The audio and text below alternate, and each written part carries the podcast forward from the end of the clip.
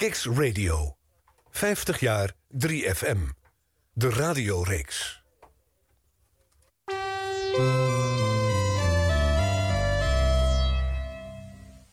Kiks Radio.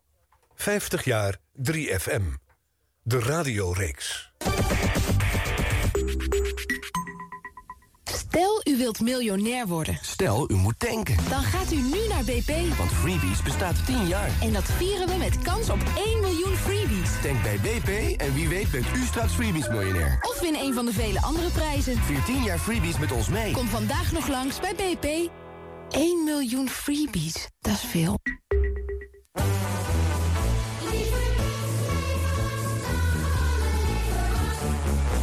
Nu twee producten van Kips en ontvang de gratis supergrote zwemband. Ga snel naar kips.nl voor de actievoorwaarden. Liever kipsleverworst. Het is zover. Radio Bergijk op tv. Onthullend, onthutsend, ontroerend en fel realistisch. Luister en kijk naar Radio Bergijk. Vanavond om 5 voor 11 op Nederland 3. Mis het niet. Wil je weten wat mijn gitaar te maken heeft met de stijging van de zeespiegel? Kijk snel op hierisklimaatneutraal.nl. Klimaatneutraal, heel normaal. Dit is een actie van de Provinciale Milieufederaties. Razend voordelige vliegvakanties boek je vandaag nog op ferio.nl. Hilversum 3. Elke woensdagavond van 7 tot 9 op Kicks Radio. Arjan Snijders ontvangt oud-DJ's van 3FM... en zet één jaar centraal uit de roemruchte geschiedenis... van de meest besproken zender van Nederland. De hoogste nieuwe van de daverende 30. Van vrolijke puinhoop tot serious radio. Dat is de geschiedenis van 3FM. 50 jaar 3FM, de radioreeks. Elke woensdagavond van 7 tot 9. Op Hilversum 3. Op Kicks Radio. Welkom bij Kicks Radio. Radio zoals je het nergens anders hoort. Online en mobiel. Kicks Radio. Please welcome Arjan Snijders.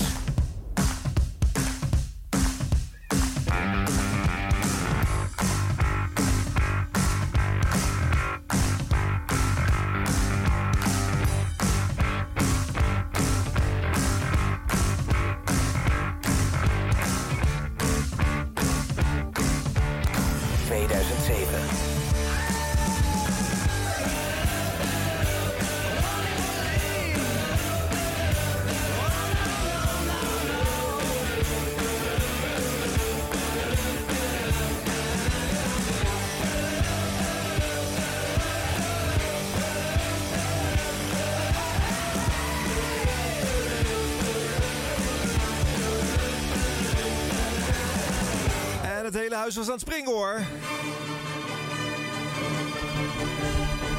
Een afgeladen Vondel CS. Rijen dik staan ze achter het raam. Van de studio van Kiks. En wij zijn er ook. Een hele goede avond. Voor de live luisteraars 9 over 7. Dit is aflevering 16 heb ik ergens gezien van 50 jaar 3 web. De radioreeks. En vandaag aandacht voor 2007. Vandaar die eh, Chelsea-dekker. De Fratellis uit 2007. Maar buiten dat popjaar waar we helemaal niet zo lang bij zullen stil- stilstaan... omdat er eh, veel radiojaren in de jaren 0 van 3FM best wel een beetje op elkaar leken. Dus die komen bij 2006 en 2008 ook wel weer terug. Eh, is er één ding wel opvallend aan dat jaar. Er kwam een veteraan van de zender terug naar 3FM. Een veteraan die eh, vandaag, eh, precies 30 jaar geleden... voor het eerst op de nationale radio te horen was. Die onlangs die nationale popzender eh, verlaten heeft. Maar daar zo mee vervlochten is, zoveel voor die zender gedaan heeft... zo lang daarop te horen is geweest... dat hij eh, ja, eens van de langzittende DJ's van eh 3FM en Radio 3 was. Rob Stenders. Hoi. Hi. In jouw boekje Ja. las ik toch dat ik de langzittende was, want je had Skip Voogd. Ja. Maar die werd uiteindelijk muziek samensteller, dus die telt niet. Dus, dan, ja, dus dan, dan ben ik de langzittende. Dan ben je te lang zitten, ja, ja. Dus ik, ik- in mijn boekje heb ik jou op nummer 2 gezet. Heb ik Skip te veel eh, podium gegeven? Nee, nee, je hebt Skip helemaal niet te veel Oh, podium. ik heb hem ook overgeslagen. Nee, nee, maar jij eh, schreef, nee, je schreef wel, Skip Voogd heeft het eh, aantal dienstjaren duidelijk op, wat was het, 40 of zo, weet je wel. die, die was ver. Maar ik, ik zag wel ergens hoop, of ik weet niet of het, of het hoop is, maar dat Skip uiteindelijk eh, muziekman werd. Ja, dat klopt hoor. Ja, dus als presentator, annex slash DJ. Hoe Zou vind je kunnen, dat? hè? Hoe vind je dat? Eh, een eer. Ja. ja, ook wel een beetje gek, maar ook wel een eer. Ja. Ja. Het is ook wel een beetje raar. hè? Maar goed, eh, er zijn wel meer van. Je hebt meer rare jubilea gehad. eh, eh, 50 worden, heel lang bij de, bij de nationale zender zijn. Ja. Vandaag, eh, 30 jaar geleden, eh, 2 december 1985. Serieus? Jij mocht in de, in de nacht van Radio 1 en 2 een programma maken voor de VARA. Het was nog niet eh, Radio 3, want die hadden namelijk geen uitzending s'nachts. Nee, dat weet ik nog wel. Want Ja. eh, ze combineerden de zenders s s'nachts. En dan eh, moest je inderdaad Radio 1 en 2 doen. Maar dat werd wel een beetje gezien als, eh, als Radio 3. Ja. Ik ben zo bang dat je fragment hebt. Nee. Ehm, Van de eerste. Nee, maar dat doen we niet. Want ik ben daar heel, eh, eh, heel eh, eh, rechtlijnig in. We moeten natuurlijk ons houden aan, eh, aan het format. En dus ons richten op de zender. Je bent ook een paar jaar vreemd gegaan. eh, eh, diverse keren. Daar hebben we het ook amper over vandaag, Rob. We gaan Oh. het eh, puur eh, over eh, Hilversum 3, Radio 3, eh, 3FM hebben.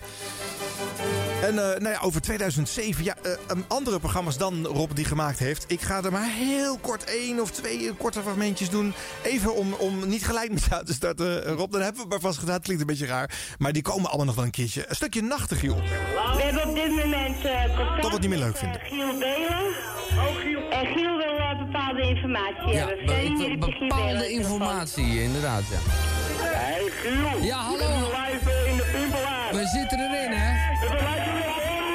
Ik hoor niks. Ik hoor helemaal niks. Hey, ja, dit- het, is, het is genoeg. Hey, eh, is het zo dat die tenten echt daadwerkelijk in de kroeg staan, of niet? Nog, nog één keertje, want je bent, ik hoor je bijna niet. Ja, nee. Jongens, jullie even stil zijn. Even rustig nou, hè, precies.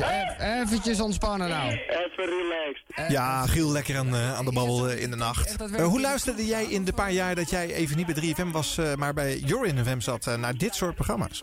Weet je dat nog? Nee. Nee? Nee, ik, ik, ik, eh, ik kan me daar maar één ding eigenlijk van herinneren. Dat was het Glazen Huis, de introductie van het Glazen Huis. Wij hadden het jaar daarvoor hadden wij een, eh, een, een moeilijke variant eh, daarop gedaan. Dus dat was een beetje het experiment van het Glazen Huis. We gingen met een bus door Nederland heen. En dat was een soort eh, idee eh, gebaseerd op wat de VARA ooit deed. En Ja. eh, VARA's Lijn 3 die gingen met een bus door Nederland. En ergens halverwege deden ze een quizje. Maar die werd ook ingezameld voor het goede doel. En die moest ook betalen voor het goede doel. En dus dat, reanimeerden wij. En dus we gingen met, wij noemden het ook de collectebus. Ja. Gingen we door eh, Nederland. We hadden Henk-Jan Smits nog meegenomen. Die was toen jurylid eh, van Idols en een van de allerbekendste Nederlanders. Maar ja, daar was echt werkelijk helemaal niemand in dat concept geïnteresseerd. Dus wij reden daar met al die eh, Radio 3 of 3FM discjockeys. Reden we door het land. No one cared. Ja. En één jaar later was daar het glazen huis. Toen zat ik bij uh, Jorin en toen zag ik dat concept eh, ergens in Utrecht. En ik zag ook eh, de romantiek en het nut eh, van het concept. En toen dacht ik, ik ben nu officieel jaloers. Dus Ja. dat weet ik nog wel, ja. Ja, ja, ja. Toen was je even jaloers dus, eh, op, op, op drie. Nou, daar komen we zo nog wel over te spreken. Eh, je hebt dat glazen huis komt ook nog even langs, want daar heb je zelf ook nog een keertje ingezeten. Eh, we gaan, omdat 2007 het uitgangspunt is, eh, ook eh, eh, met jouw eh, werk op 2007 eh, ons eh, eerst richten. Je kwam weer terug en dat ging zo.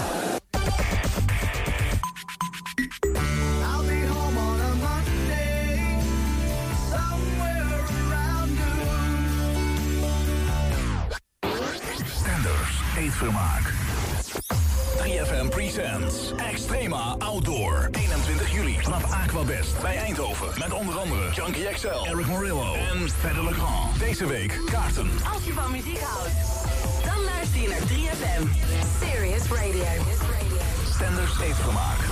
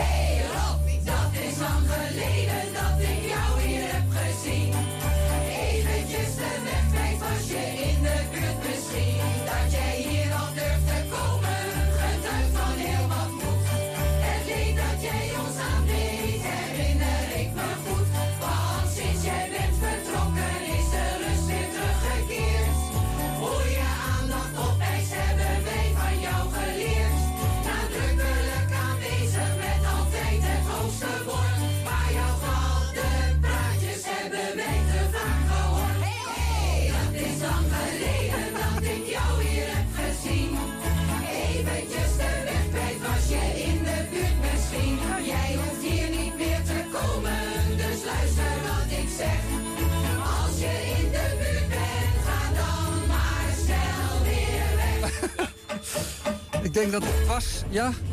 En meteen eh, geopend toch met eh, live muziek. Mag ik even een applaus? Ja. En ze zijn er eh, alle 105. Het viswijvenkoor uh, Zootje Vis. En dankjewel voor deze ballade de genre. Het was indrukwekkend. Dankjewel. Ja, zo kwam jij terug in, in 2007 op 3FM. Moeilijk. Ja? Moeilijk. Was dat moeilijk? Ja, dat was lastig. Uh, want uh, we hadden toen een uh, zendermanager, die heette Florent Luiks. bij hem was ik ook weggegaan en bij hem kwam ik ook terug. Ja. En Florent die was vrij duidelijk. die zei, Rob, jouw positie hier is veranderd. je bent niet meer een van de ster-dj's. Je bent een waterdrager. En de meeste mensen hebben helemaal geen zin meer in jou. Want die kennen jou als een vervelende vent. Die nergens aan meedoet en moeilijk is. En, en, en dus... we hebben popfestivals waar jij nooit kwam. Pinkpop, Lowlands en alles. Daar had je allemaal geen trek in. Je gaat onderdeel zijn eh, van het team. Als je geen onderdeel bent van het team, eh, flikker maar op, want dan willen we je niet. Het is uh, bijzonder dat ik je deze kans nog geef. Uh, daarmee ben ik ook, uh, want ik sta ook de discussie, want iedereen heeft, wat komt een 40-jarige in godsnaam weer doen op, op, op, op 3FM? Ja. Ik vind dat je hier een rol hebt. dus benutten, dit is een moment, je moet het echt benutten. En anders zo de flikker ik je gewoon binnen een jaar er weer uit. Nou, dat was een duidelijke boodschap, vond ik. Soms werk ik heel goed als er duidelijke kaders worden aangegeven. En uh, ik zag ook dat hij uh, 3FM veranderd had, de structuur van 3FM uh, veranderd had. En dat het allemaal beter ging. En dat je inderdaad ook bij popfestivals. Hè, want als je daarvoor op, op een terrein van een popfestival kwam, was je sowieso niet welkom. Zeker niet als je Veronica achter je naam had staan. En, ja, en dat had ik. Dus ja, iets van ja, wat komt deze, deze wind-up DJ hier doen? Uh, en je was als 3FM nooit uh, zichtbaar. En je moest uh, concerten van de Deftones uitzenden volledig. de Deftones weer. Ja, en een uur lang overdag. En dat ja. ging tegen mijn iets wat commerciëlere gevoel in. Dus dat wilde ik allemaal niet. Maar toen kwam ik terug bij 3FM. Toen zag ik dat Florent dat goed geregeld had. Want 3FM was overal zichtbaar. Dat was mooi. Je kon makkelijk naar binnen. Het maakte niet meer uit dat je een Veronica of een commerciële achtergrond had. Het was prima, nee. want je was DJ van 3FM. Dus ik zag dat hij dat veranderd had. Maar bij collega's was dat natuurlijk wel even ingewikkeld. Want die hadden iets van, nou die gozer is naar de commercie gegaan toen wij het moeilijk hadden. Ging daar uh, zijn zakken vullen. Hij is daar mislukt en de commercie is mislukt. En meneer komt nu gewoon op zijn veertigste notabene terug op deze zender. Ja. Paul Rabbering was daar uh, goud eerlijk in. Die zei van, uh, ik zag het echt niet zitten. En, en vele anderen ook. En nou ja, dus ik moest, ik moest echt wel vanuit een moeilijke positie. Dat vond ik eigenlijk ook wel, ja, vond niet leuk. Maar ik vond het op zich nou, ik vond het wel spannend om te kijken of me dat zou lukken. Ja. En uh, dat lukte me eigenlijk pas. Je had het net over het uh, glazen huis. Toen ik uh, in het glazen huis zat, toen bleek ik dan toch nog wel 3FM-DNA te hebben. En Paul Rabbering, die mij niet kende, maar wel alle verhalen kende, die zei: Je bent eigenlijk een aardigere jongen dan ik, dan ik dacht. En je bent wel een teamplayer. En hoe komen mensen daarbij? Maar het duurde wel eventjes voordat doordrong dat ik nou ja, dat ik er wel bij hoorde, maar het was wel echt knokken. En wat voor verhalen gingen er dan uh, de ronde over jou? Uh, en hoe onterecht of terecht zijn die dan? Nou, ik, ik denk dat ze voor... Uh, nou, ik heb hier ook vandaag, een, als ik onzin uit ga kramen... ik heb een oude baas van me uitgenodigd. Ja. Inderdaad, één in het kader, Hans van de Veen. Ja. bij Veronica mijn baas geweest. En die heeft me ongetwijfeld vaak gehaat, maar is toch van me blijven houden. Dat is mij wel wat vaker overkomen, dus dat is goed. ja. Um, ik, ik, denk dat... Um, nou ja... Um, het, het, verhaal voor 95%, nou dat is te veel, misschien 80% klopte het wel. Weet je wel, dat, uh, dat ik mijn eigen gang ging, uh, dat ik uh, dingen deed waarvan ik vond dat ze goed waren. Niet altijd een teamplayer, natuurlijk niet altijd even betrouwbaar, wel eens te laat. um, het Je was hier net op tijd hè vandaag? Ik was hier net op tijd. Ja. Zie je, ik leer bij. Ja. Um, en en nou ja, iemand die nou ja, een vat vol tegenstellingen was. maar goed, uh, je kwam terug. Uh, uh, je, je won de luisteraars weer voor je. We hoorden zometeen nog wat fragmenten van. maar eerst laat ik het nog eens pogen. Want ik, straks komen we er niet meer aan toe. Want dan merk ik dat ik al die fragmenten niet op tijd in uitzending krijg. Toch nog even wat muziek. Ja,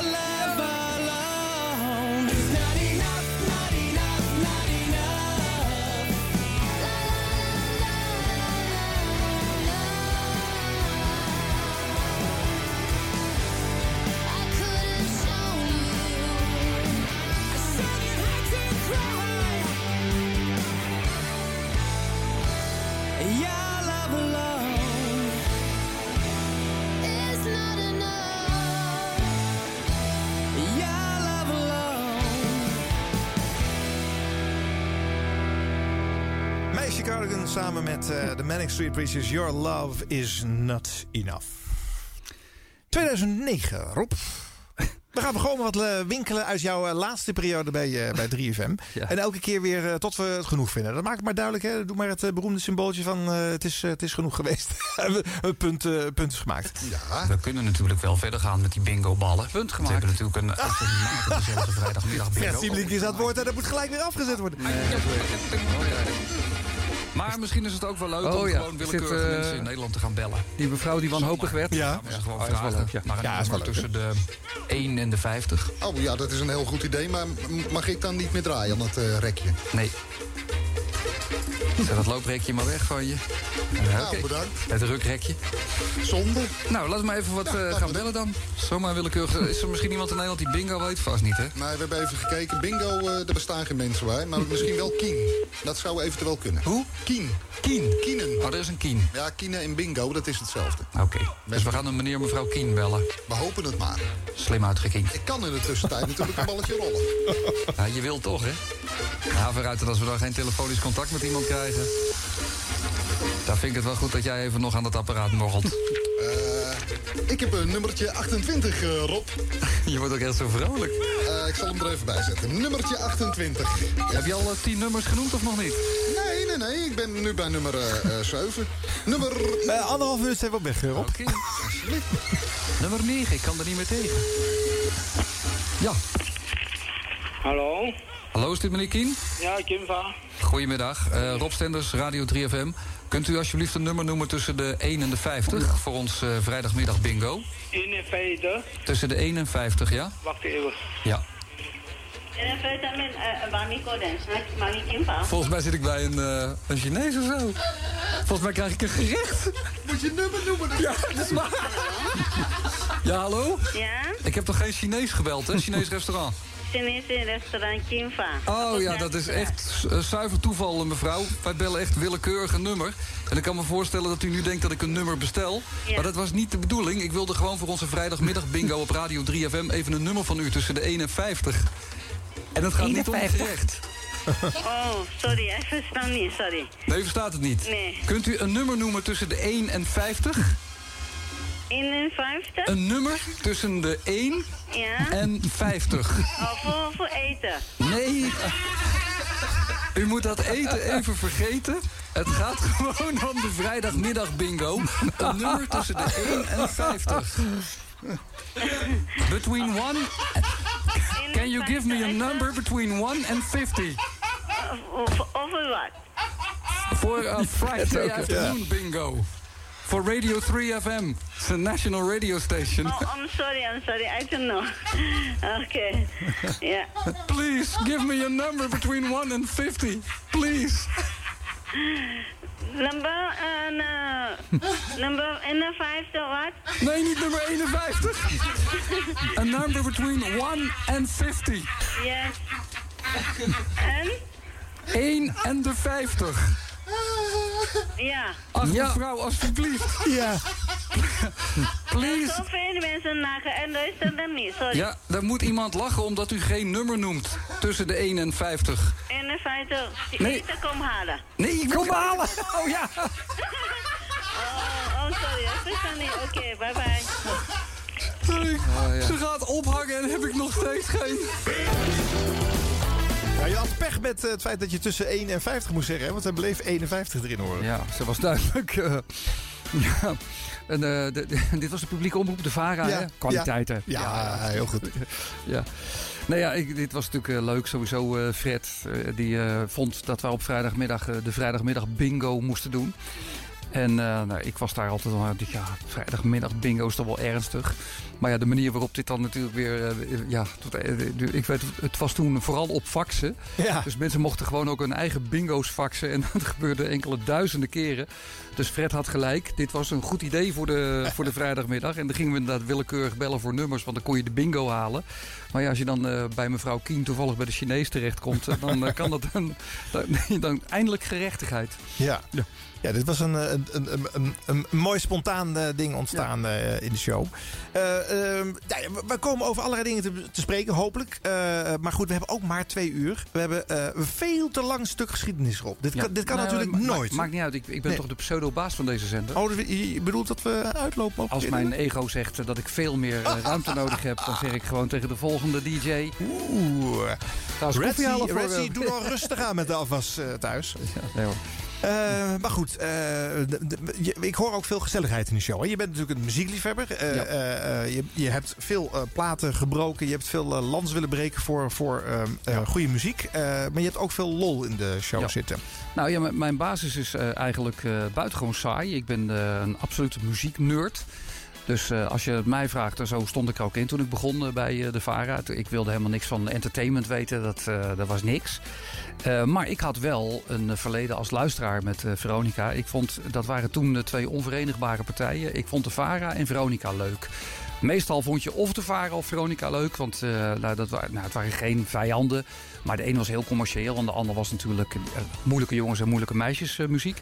maar ik vond ze dus allebei leuk. Omdat ik de sfeer eh, en de rock and roll van Veronica heel leuk vond. Gecombineerd met de, de muziek van, van de VARA. En ehm, nou ja, toen ik uiteindelijk bij Veronica tegen Jeroen van Inkel aanliep... met wie ik Stennis van Inkel heb gemaakt... eh, toen begon ik wel te zien dat dat gedeelte entertainment... eh, dingetjes niet al te serieus nemen. Ik wilde ook alleen maar muziek draaien, deugde. Ook bij Veronica, weet je, kon mij wat schelen. Die hitparade. Ik moest daar natuurlijk ook het mijne van vinden. En ik moest ook bij elke plaat zeggen dat hij niet deugde als hij niet deugde. En eh, Van Inkel gaf mij een, met de manier waarop hij het programma maakte, had er veel meer lol in. En hij hanteerde liedjes ook gewoon soms als instrument. Zo van ja, we hebben nu drie moeilijke nummers gehad. Laten we eens een heel makkelijk eh, nummer nemen. En laten we ook onzin uitkramen. En ik was ook fan van, eh, van Curry en Van Inkel. En daarvoor ook eh, van Lex Harding. In de, met, samen met Ad Bouwman in de ABTT.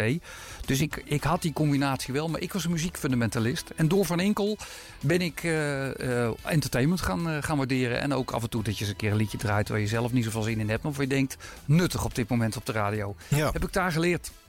Dat heeft misschien wel die 30-jarige carrière inmiddels mede kunnen. mogelijk gemaakt. Ja, eh. van al die walletjes tegelijkertijd vreten. Als je het heel negatief wilt zien, is het een volstrekt opportunisme. Nou, dat, dat denk ik dan weer niet. Maar eh, het, het heeft ongetwijfeld geholpen. Want alleen maar de muziekberist uithangen... daar kom je niet zo heel ver mee mee in de, Nee, de nee, ik- van nu. Ik, dus. ik kwam daar uiteindelijk toen ik bij, bij de VARA zat, kwam ik Jan Douwe tegen. Door veel mensen gewaardeerd als, als muziekliefhebber. En die, die was eh, heel serieus in die muziek. En dat, dat vond ik echt zo verschrikkelijk saai. Ik vond het zo ontzettend niet radio. Ehm, dus dat ik denk dat eh, de, het, het Veronica-gen altijd opspeelde als ik hem hoorde. Dat ik dacht, Ja. zo wil ik niet worden. Nee, nee. En soms had je ook wel dat je dan te veel wilde compenseren bij de partij eh, waar ze het op de muziek wilden gooien. Door te veel lol. Nee, en bij nee, de- te veel lol bij degene. Nee, nee, nee. Ik, ik, ik ga, ik ga er bijna bij zitten. bij Veronica kreeg ik altijd te horen... Gozer, waarom wil je nou toch zo ontzettend Vara zijn? En bij de Vara kreeg ik altijd te horen... waarom wil je nou zo ontzettend Veronica zijn? Ja. Overcompensatie, dat was het niet. Ik was altijd hetzelfde. Ik was altijd left of center, dus ik wilde die hitjes draaien... maar af en toe ook eens moeilijke muziek draaien. Alleen bij de Vara moest je uitleggen dat je ook Rick Ashley leuk vond... but never gonna give you up. En, eh, en andersom bij Veronica moest ik uitleggen dat ik eh, mensen met een moeilijke achtergrond... eh, die het sociaal best lastig hadden, ook leuk kon vinden. Maar basically ben ik overal hetzelfde geweest. Alleen dachten zij, ja, waarom wil hij zo'n statement in de andere richting maken? Ja. Dat was niet zo. Denk ik dan, hè? Nee. Maar we kunnen straks aan Hans van der Veen vragen hoe Oh, die ja. dat ziet. Hans, blijf meeluisteren. hè. We, doen we straks even, eh, halen we jou erbij. eh. Oké, we gaan weer wat eh, entertainment uit jouw laatste jaren laten horen. Eh, eh, nooit grappig. Tuurlijk hebben we vandaag ook een eh, nooit grappig. We hebben nog even overwogen om het hele huwelijk als nooit grappig te nemen. Maar dat vonden we net iets eh, te sarcastisch. Toch maar niet gedaan. Eh, maar we hebben het wel over de sterfelijkheid meteen. Er is een eh, Nederlandse handelsgeest. Zijn naam is eh, Mark Sturkenboom. En die is designer van beroep. En die heeft iets ontworpen waardoor je nog eh, van je geliefde kunt genieten na de dood. Ze zeggen altijd trouw tot aan de dood. Dat gaat straks natuurlijk ook weer eh, gebeuren bij het eh, ja-woord. Maar het kan daarna ook nog. Eh, hij heeft namelijk een urn in de vorm van een dildo ontworpen. Dat is liefde na de dood. De as van je overleden geliefde kan daar naar de crematie in. En zo kun je na de dood toch nog gezellig intiem zijn met je overleden partner. Bizar. Tot na de sterfelijkheid dus. Maar ook iets moois heeft het hoor, vind ik. Nou, dan, ik wil best een beetje met je meepraten vanwege de gelegenheid. Vind ik ook wel logisch. Eh, als je een goede nooit grappig hebt, laat het weten via de Stennis Message Servers eh, 4x3. We hebben een eh, paar aardige om, om je een beetje op gang te brengen. Ehm, ook stijf na je overlijden is heel smaakvol. Heb jij er nog een? Eh, eh, lijkenpikkerij. Als in, oh ja, pik. Oh, Ja. like pik, ja, zit er natuurlijk ook in. Ja. Ehm, ja, zeg, de, de tijd met je overleden vriend dood. Nou, ja. Vind ik mooi. Via de audio-app zijn er... eh, het- ja, of is het alleen maar sms vandaag? Eh, eh, doe maar alleen sms. SMS, 4 maal 3, oké. Die nooit grappig. Waar komt die vandaan? Het was een, eh, volgens mij heette die Stefan, dat weet ik niet helemaal zeker. Eh was een cabaretier. Ehm, ik ging met eh, Fred Siebelink eh, s s'avonds naar een, eh, een theater.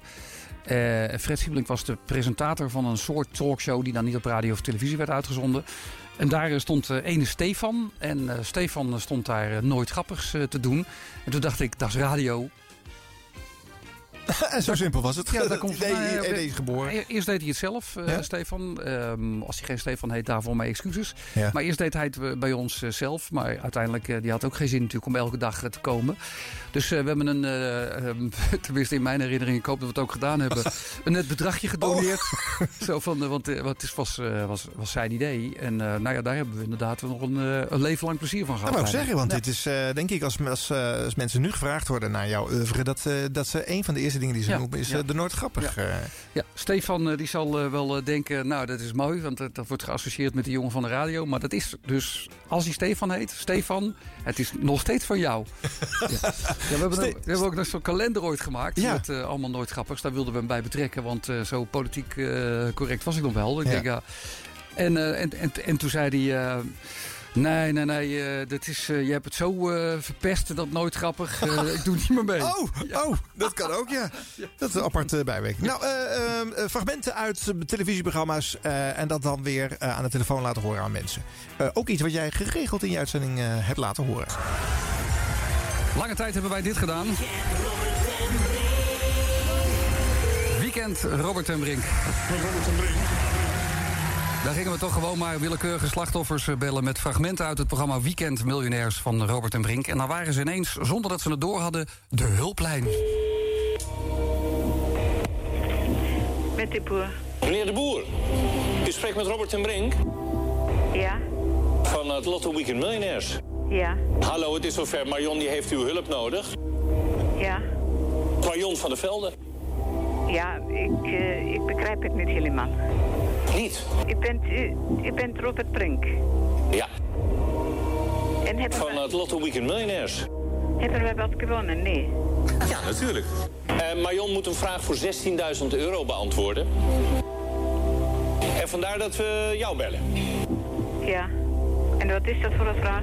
Wie maakte in de WK voetbalfinale van 1974 tussen West-Duitsland en Nederland het enige Nederlandse doelpunt? Was het Johnny Rep, Johan Neeskens, Rob Rensenbrink of Dick Nanninga? Nou, ik, ik geef u mijn man, want eh, ik weet het niet. Eh, wie is Oké. Misschien Ja, wat wil je zeggen dan? Hal- Hallo, met de boer. Met Robert en Brink Zegt u? van het Lotto Weekend Millionaires. Ik versta u niet. Met Robert en Brink. Versta jij? Hey, pak jij hem even, want ik versta het niet.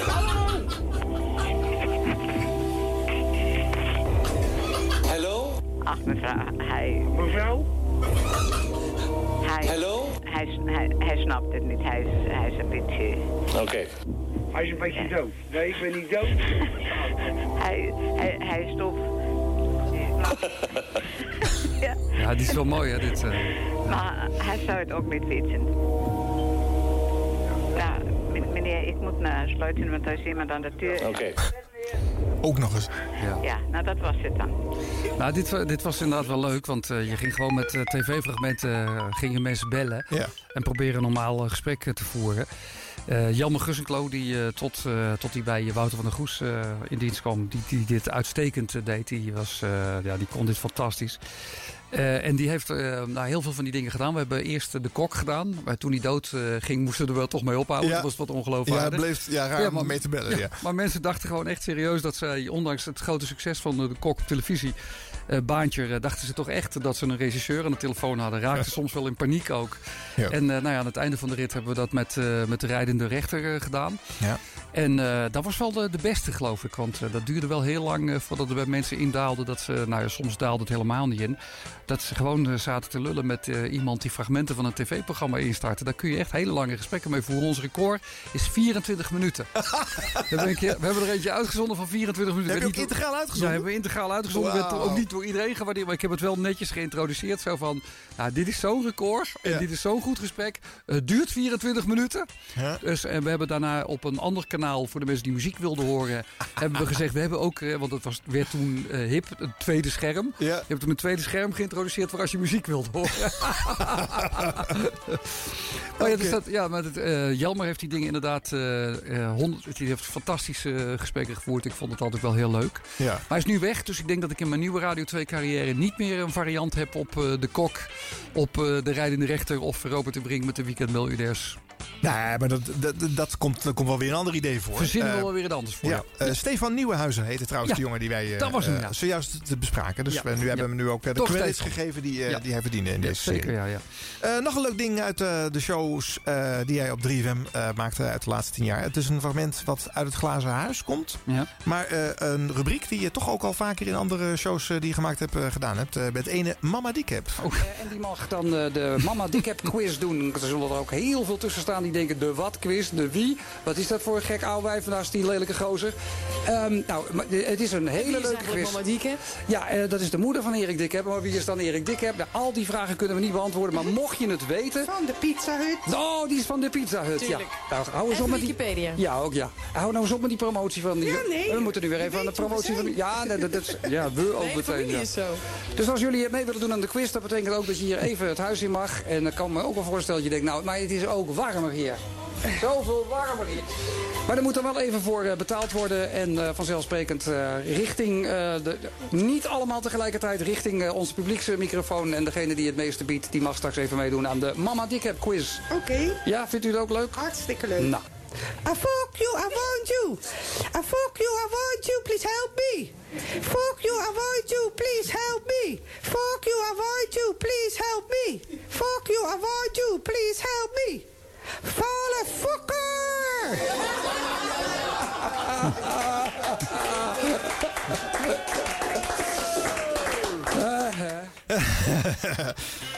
Ja, ook leuk. Was, was het Rage Against the Machine of niet? Dat er moet wel Killing in the Name of eh, geweest zijn, eh, denk ik. Ja, Mama Dikheb. Ja, verdomd, ja. Ja.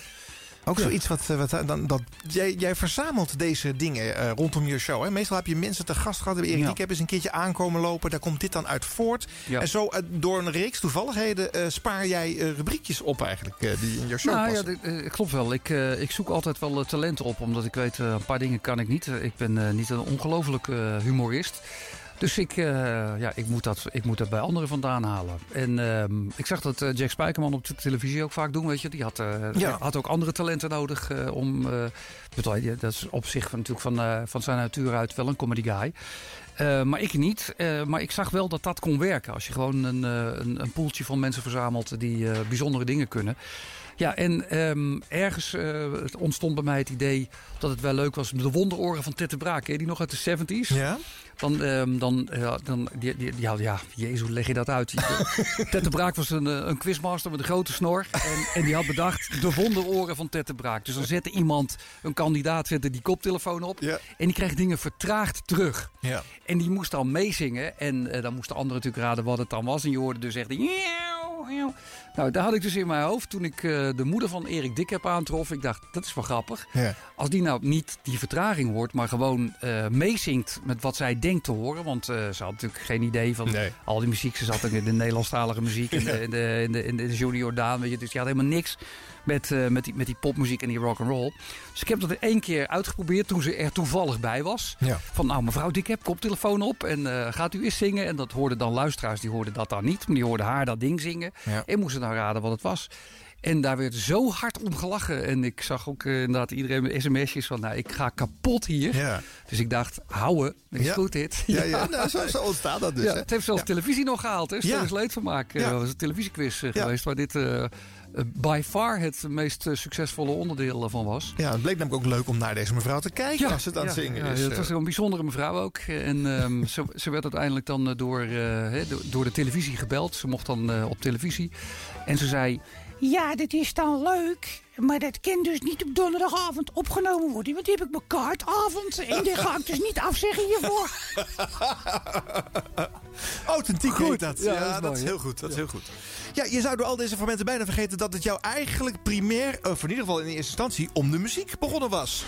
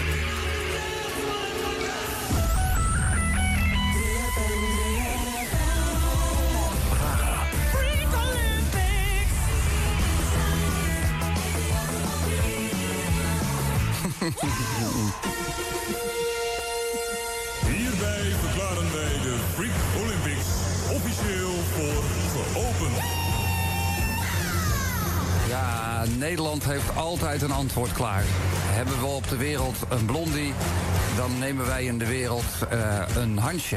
En dan hebben wij ook een eigen blondie. Eh, onze Nederlandse blondie, Hansje Ravenstein heette ze. Volgens mij eh, heeft ze een tijdje gedanst bij eh Tros Top 50 op televisie. Ja, en toen kreeg ze een eigen punkcarrière. Ja, het moest wel een beetje punky zijn inderdaad.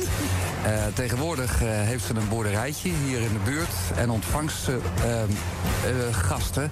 En dat zijn meestal gasten die veel geld hebben. Ja, we hebben de laatste eens een keer eh, op de kop getikt. Eh, niet letterlijk hoor, overigens. Eh, toen we bij het Radio 2-programma het popdossier bij de A waren... en dus inderdaad automobiel draaiden van Hansje Ravenstein.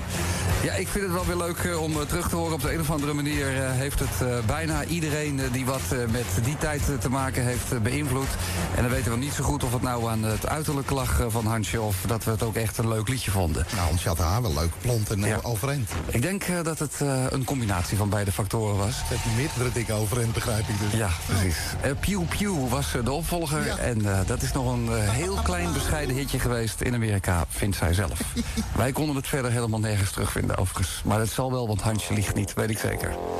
Daarvoor de Red Devils, de Rode Duivels. En ze kwamen niet eens uit België en Automatic. En voorzichtig zijn we alweer begonnen aan de nieuwe editie van de Freak Olympics. Met het Nerd Alphabet Reloaded. Neem wel We mijn tijd altijd, hè? bij- Valt me nu zo op. Dat moet ik terug horen. Ja, ja, sommige dingen vallen op als je ze achter elkaar gaat horen. Ja. hè? Ja. Ja. Maar goed, eh, eh, platen die het allermooist vindt. ja, je praat hier over muziek, dus dat, dan mag het ook wel even duren, toch? Eh, eh, gekoppeld aan eh, persoonlijke herinneringen. Ja, dit vond het te lang eh, duren hoor, dit. Ja, het was te lang. maar, nou ja, Ja, goed, eh. Stel voor dat ik het eh, had moeten evalueren, had ik gezegd, veel te lang joh. Maar dat doe je niet, hè? en eh, Programma's evalueren, toch?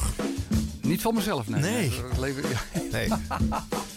De Freak Olympics zijn eh, nou ja, een bijzonder ding in jouw oeuvre. Want dat is waar eh, de muziekliefde ten volste uitgenut eh, mag worden. Eh, alle platen die jij goed vindt uit eh, de popmuziek... eh, die komen in dit geval eh, met het alfabetische excuus eh, als eh rode Ja. draad eh, allemaal langs. Sterker nog, als je bij de Z bent geweest... dan doe je gewoon eh, reloaded. Dan doe je gewoon weer opnieuw. Nou ja, want er zit dan alweer vijf, zes jaar tussen. Dat is weer vijf, zes jaar ontwikkeling natuurlijk. Ja, ja, en die nieuwe platen komen erbij. Dus Die komen erbij, Het, ja, het evolueert ook, eh, het alfabet. Ja. Hoe krijg je dat soort titels verkocht? Want er zijn natuurlijk maar weinig DJ's die zoveel muzikale vrijheid eh, eh, nog in de 21ste eeuw ergens eh, mogen uitventen. Nou ja, misschien komt dat wel door waar we het eerder over hadden. Dat ik een eh, soort combinatie probeer te maken dat het dan nog net aanhoorbaar is eh, voor, eh, voor de massa. Ja. Ehm, en, en, en soms wil ik het ook wel als cadeautje hebben. Dus dan zeg ik van, nou dan probeer ik ergens halverwege de rit een programma te maken waarvan ik het vermoeden heb dat er veel mensen naar luisteren. Maar geef me dan ook iets waarvan ik zeker weet dat, dat, weinig mensen in en zeker geen meisjes. Ja, dat, dat, is, dat is natuurlijk wel zo, maar er zijn ook wel weer uitzonderingen op. Maar goed, eh, dus het is eigenlijk een soort eh spielerij die je er dan bij kan vragen, eh, gezien je status. Ook. Nou ja, ik, omdat ik de belangstelling heb om inderdaad muziekprogramma's te maken die echt puur om, om muziek gaan. Ehm, dus ja, dat vraagt altijd. eh, ja, je wat je wilt. Dan ene moment ben ik de entertainer, op het andere moment ben ik de muziekman. Als het gecombineerd wordt, vind ik het vaak het leukst. Eh, want dan komt het allemaal. eh, maar ja, ik, ik, ik zal altijd, eh, ook eh, ver nadat ik officieel gestopt ben, ergens op een zolderkamer bij iets of iemand. Het zij een stream, al is het Kicks Classics, eh, Ja. het zij whatever. Het maakt niet uit, maar ik zal altijd wel iets eh, blijven doen in de naam van muziek. Zeker. Ja. ja. Oké, en eh, ter, ter entertainmentwaarde wellicht zit eh, Fred Siebelink eh, hierbij? Om het dan toch iets luchtiger te maken? Nee, nee, nee, nee. nee. Fred, eh, ik, ik ben eh, Fred eh, tegengekomen volgens mij in Utrecht. Ja, ik weet het zeker. Ja. In. Utrecht, eh, hij had eh, een, eh, een programma. ging over nieuwe bandjes. Ja. Het, heette, het, had een in de ingewikkelde naam in elk geval. Ja. En ik zat bij de commerciële tak van de, van de lokale omroep Utrecht. Want raar maar waar, zelfs de lokale omroep hadden ze verdeeld in het journalistieke gedeelte en het onzingedeelte. Vanzelfsprekend zat ik in het onzingedeelte en Fred Siebelink in het journalistieke gedeelte. Tuurlijk, heel logisch. Ja, en eh, want het, eh, het tweede gedeelte na acht uur s'avonds heette Midstad. Maar hij deed van zeven tot acht aan dat programma met die bandjes. Ja. En eh, ik kende hem helemaal niet. En wij zaten altijd in de voorbereiding zaten we naar hem te luisteren. Omdat hij het op zo'n onconventionele wijze deed. Ik vond hem zo verschrikkelijk grappig en origineel. Ja. En ook als hij bandjes interviewde. En in die tijd, de meeste mensen die bandjes interviewden, deden dat bloedstollend serieus. Ja, Hè? ja. Zo van, nou, wat is eh, jouw achtergrond? En, eh, en Siebelink, die maakte korte metten met eh, al die overpretentieuze types. Ik lachte me helemaal kapot. En toen kwam ook het programma Kut, het is weer maandag. Daar heb ik ook zo verschrikkelijk om moeten lachen. Toen zei hij tegen mensen, doe eens een 06-nummer na. Die mensen waren allemaal in de war. Ik die gast, dat is mijn vriend. Dat Ja. weet hij nog niet, maar dat is mijn vriend. Dus ik, eh, ik kom daar en ik wandel daar een keer eh, binnen. En eh, hij gaat met mij mee naar het programma wat wij naar achter deden. En ik had net iets ontdekt wat ik fantastisch vond. Smells Like Teen Spirit van Nirvana was ik helemaal lijp van. En ik draaide het ook bij, bij Veronica. En ehm, Freddy was natuurlijk de man die Nirvana al voordat ze bestonden ontdekt had. De eerste demo had hij al geluisterd. Ja. En die dacht, hé, hey, dat is een gozer van het, van het eh, vuile commerciële Veronica. Maar die doet Nirvana, die vindt Nirvana ook leuk. En dat sprak hij uit. En eh, vanaf dat moment eh, zijn we eigenlijk programma's gaan maken en, en onafscheidelijk. Ja, want je zijn al heel lang samen inderdaad op de radio. Ja, we hebben, eh, we hebben echt gewoon eh, ontzettend veel lol eh, gehad. En eh, als het een moeilijkere tijd was, er was weer een of andere leidinggevende die, het weer, die, die er weer niks in hoorde. Ja. Ja, is, we hebben te- eh, samen ook die ochtendshow op een gegeven moment moeten opzetten... waar we allebei niet in gespecialiseerd waren. Dat was een gedeelte van de dag stond niet op onze wekker... want zo'n luxe leven leiden wij. Ineens stond het op onze wekker... Ehm, en wij eh, hadden een soort mechanisme, dat, dat kenden wij helemaal niet. Want we zaten middags van 2 tot 4 en dat ging hartstikke goed. Maar ja, ineens moesten we een ochtendshow gaan doen. Wij wilden ook allemaal dat Ruud de Wild deed. Maar Ruud de Wild was super zakelijk. Die zei, je moet eerst een loser neerzetten en dan kom jij. Nou ja, ehm, dus ik was dan in principe even de loser. En daarna wilde hij graag uh, Ruud de Wild. Ja. Maar dus je moest iets doen eh, waarvan je zeker wist... nou, dat kan nog wel eens wat zijn, want we moesten Edwin Evers eh, opvolgen. Nou, dat lukte in het begin natuurlijk helemaal niet. We hadden ook geen idee hoe dat allemaal moest eh, met, eh, met de ochtend. En eh, de solidariteit waarvan we dachten... nou, hebben we opgebouwd van 2 tot 4. Totaal ander tijdstip. No one cared, weet Ja. je wel. En die, het eh, meest... ik kan me wel herinneren, de allerpositiefste reactie was... ik kan 538 niet ontvangen, dus ik moet wel naar jullie luisteren. dat was de meest positieve reactie. Ja.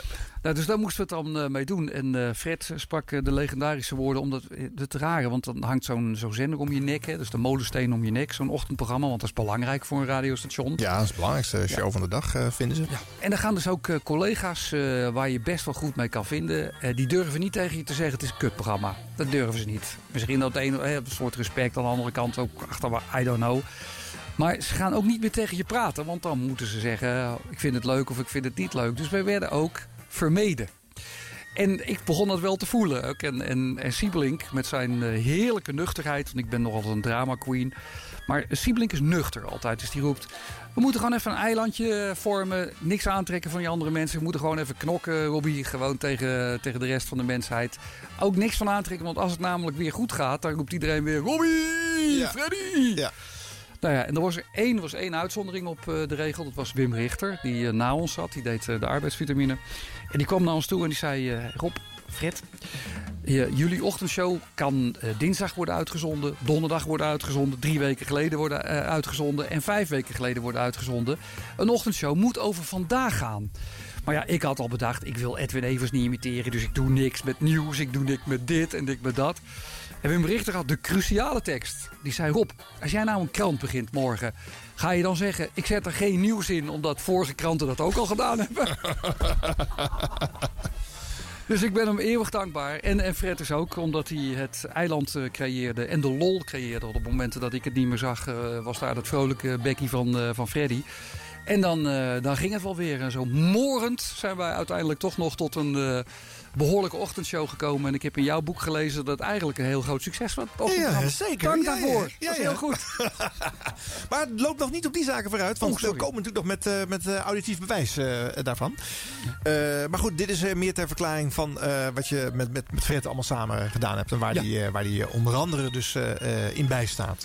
Ja, dus, eh, ik ben eh, zeer dankbaar dat ik deze man ben tegengekomen. Ja, en tot op de dag van vandaag, hè, want jouw eh, huidige werkgever is NPO Radio 2. En ook daar zit Fred Siebelink weer eh, aan, Zeker, aan de ja, tafel.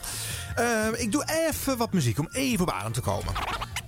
Uit eh, het 2007, het jaar wat zogenaamd centraal staat vandaag.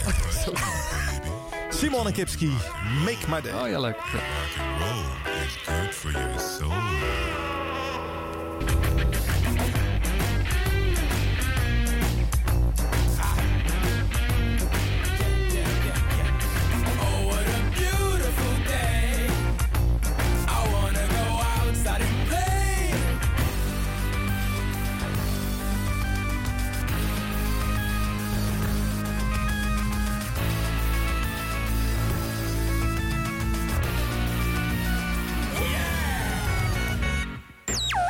50 jaar 3FM. Hilversum 3. De radioreeks. Ach, je hoort het ze alweer meezingen, hè? De verliefde meisjes tussen 12 en 15 jaar. Ja. Oh, Henny. Oh, Henny. En maar kwijlen, jongens. En maar kwijlen. Nou, wat een grappig gezicht is dat. Ja. Moet je er eigenlijk van zeggen? Je kunt natuurlijk zeggen van mensen krijgen toch eindelijk eens een eigen mening. En gebruik je verstand eindelijk eens een keer. Maar ik denk dat de meisjes van 12 tot en met 15 jaar... die af en toe denken aan de mascara op hun gezicht te zien dat ze echt volwassen zijn... dat ze toch niet aan me luisteren. Een tipje van de sluier. Ik bedoel, onze allerkleine mensen die moeten ook een beetje de middag doorkomen. Doe maar! Uit de laatste LP, Virus. De opvolger voor de single Pa. En dat ding dat heette Eén Nacht Alleen. Muziek van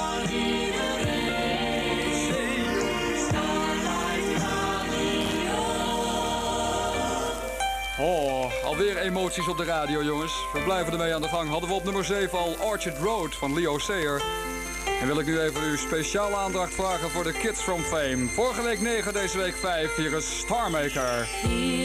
Ja.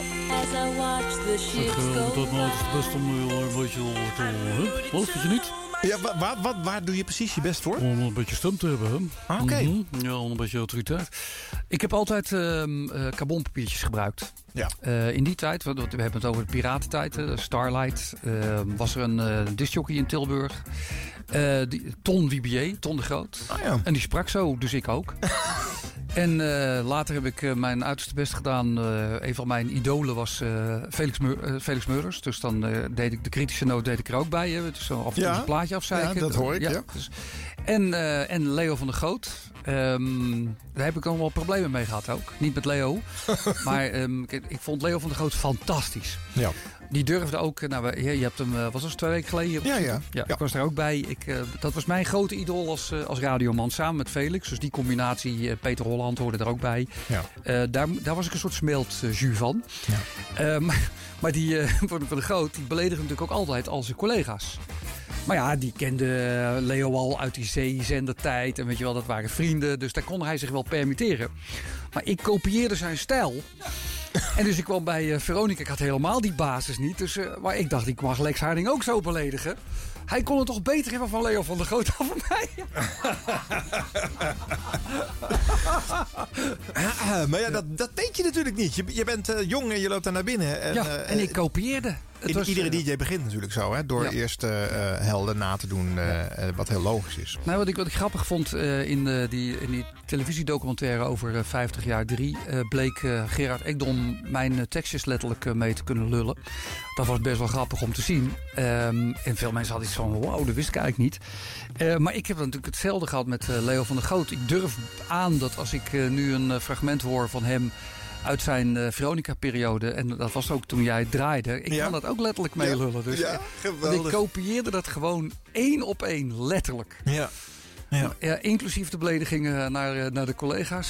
Maar ik, ja, ik vond dat zo fascinerend, omdat hij een soort achterkant van radio liet zien. Het was niet allemaal altijd eh, 31 graden onbewolkt. En toch redde hij het ook in een Ja. omgeving eh, als, eh, als Veronica. Dus ik dacht, ja, dat, eh, dat wil ik ook zijn. Nou ja, en dat is het dan uiteindelijk wel gelukt. Want je, je zegt hier best wel kritische dingen over de muziek. Hè? Ja. Je zegt het komt een beetje door Felix Murders. Er was iemand die zich ook nogal Vond ook uitsprak eh, Wat- over wat- de muziek. Ja, wat veel mensen haten aan Felix, die deed dan een hitparade en dan moest je dan neutraal doen. En ik vond, net als jij, ik vond het te gek eh, dat eh, Felix af en toe zei... je zet maar 3,5 minuutje radio uit, want hier zijn de slijpers. eh, daar wil ik niet verantwoordelijk voor zijn. Puntje erin, puntje eruit. Ja, ja. Ik vond hem mooi, want ik denk, ja, DJ is toch ook een mens... dus die mag toch af en toe wel eens zeggen dat hij dingen niet leuk vindt. Ja. Dus ja, nou ja, die, eh, het- daar zat ik middenin. En die, eh, in, in- die jongens eh, hebben het voorgedaan en ik probeer het tot nu toe na te doen. Ja, nou goed, die stijlvorm horen we vaker terug in je fragmenten erop. We gaan nu terug naar exact 30 jaar geleden. Ja, het is zover. Oh nee. Jouw debuut eh, op wat eigenlijk Radio 3 s'nachts was, maar het werd formeel op Radio 1 en 2 uitgezonden. en dat klonk drieën. ongeveer zo. Help, help. Oh ja, mijn eerste plaat. Is klaar. Good Bicycle. Queen hoorde je. Nummer heet de Bicycle Race. Goedemorgen. Het is vijf over één bij Vara's Muziek in de Dag met Jeroen Soer en Rob Stenders. En met Carol Begersteker. You're moving out today. Nee, dat is absoluut een stimulans om door te gaan. You're moving out today. Dat gebeurt niet. Ik blijf hier lekker in de radiostudio zitten. Nou, ik heb mijn verantwoordelijkheden. Ik kan toch onmogelijk meteen het pand verlaten na twee plaatjes aangekondigd te hebben. Nee, dat begin ik niet aan. hey, dit doet mij denken aan een VPRO-documentaire. Chicken, Chicken Ranch. Ranch. Weet je nog? Ja, De. Pointer Sisters. Ik niet. I need a lover with a slow hand. Een van de leukste singeltjes van de Pointer Sisters. En dan heet het Slow Hand. Trouwens, er kwam net iemand mij vertellen dat ik op de nationale radio zit. Radio 21. Meen je dat nou? Zit ik op de nationale? Wat doodeng is dat? Een leootje, hè, dit. Oh, dan moet ik ook Maar dan niet, vast- niet zelfverzekerd, maar toch al een leootje.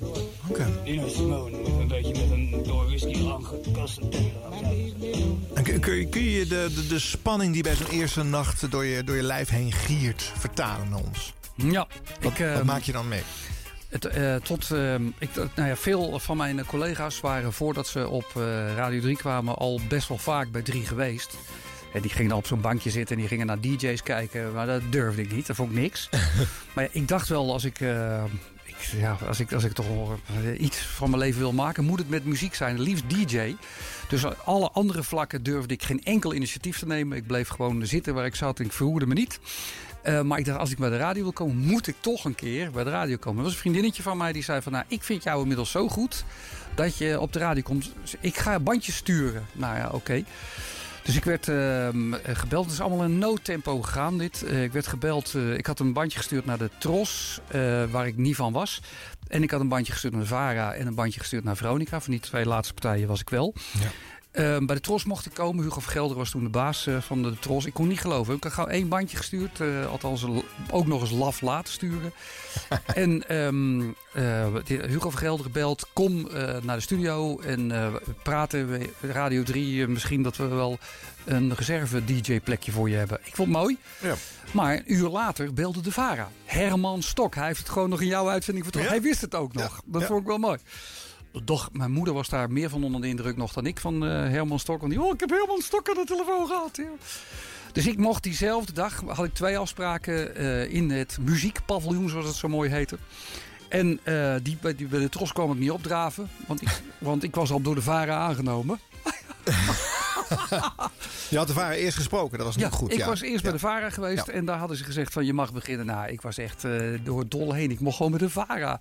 Dus ik dacht, ja, ik ga niet eh, bij die, die kuttros, daar heb ik geen zin meer in. Dus ik kwam, laten we zeggen, dat, eh, dat, dat patroon herkent Hans van der Veen ook. Mijn oude Veronica je Baas. op dag één aan je imago te werken. Ja, meteen de dag één dacht hij, Hugo van Gelder hoef ik niet meer te zijn. Ik ga gewoon bij die VARA beginnen. En eh, nou, ik denk, maar misschien dat ik het iets overdrijf in mijn hoofd, maar ik denk echt dat het zo was. Binnen drie weken zat ik dus, hè, van het sollicitatiebandje tot aan mijn eerste uitzending op, eh, op de radio. Ja. Er zat me drie, vier weken tussen. En ja, dan zit je daar in wat voor jou het heiligdom is. Ik weet nog wel dat ik eh, inderdaad binnengevoerd werd in, die, in die drie studio. En dat, daar zat een van mijn helden, Peter Holland.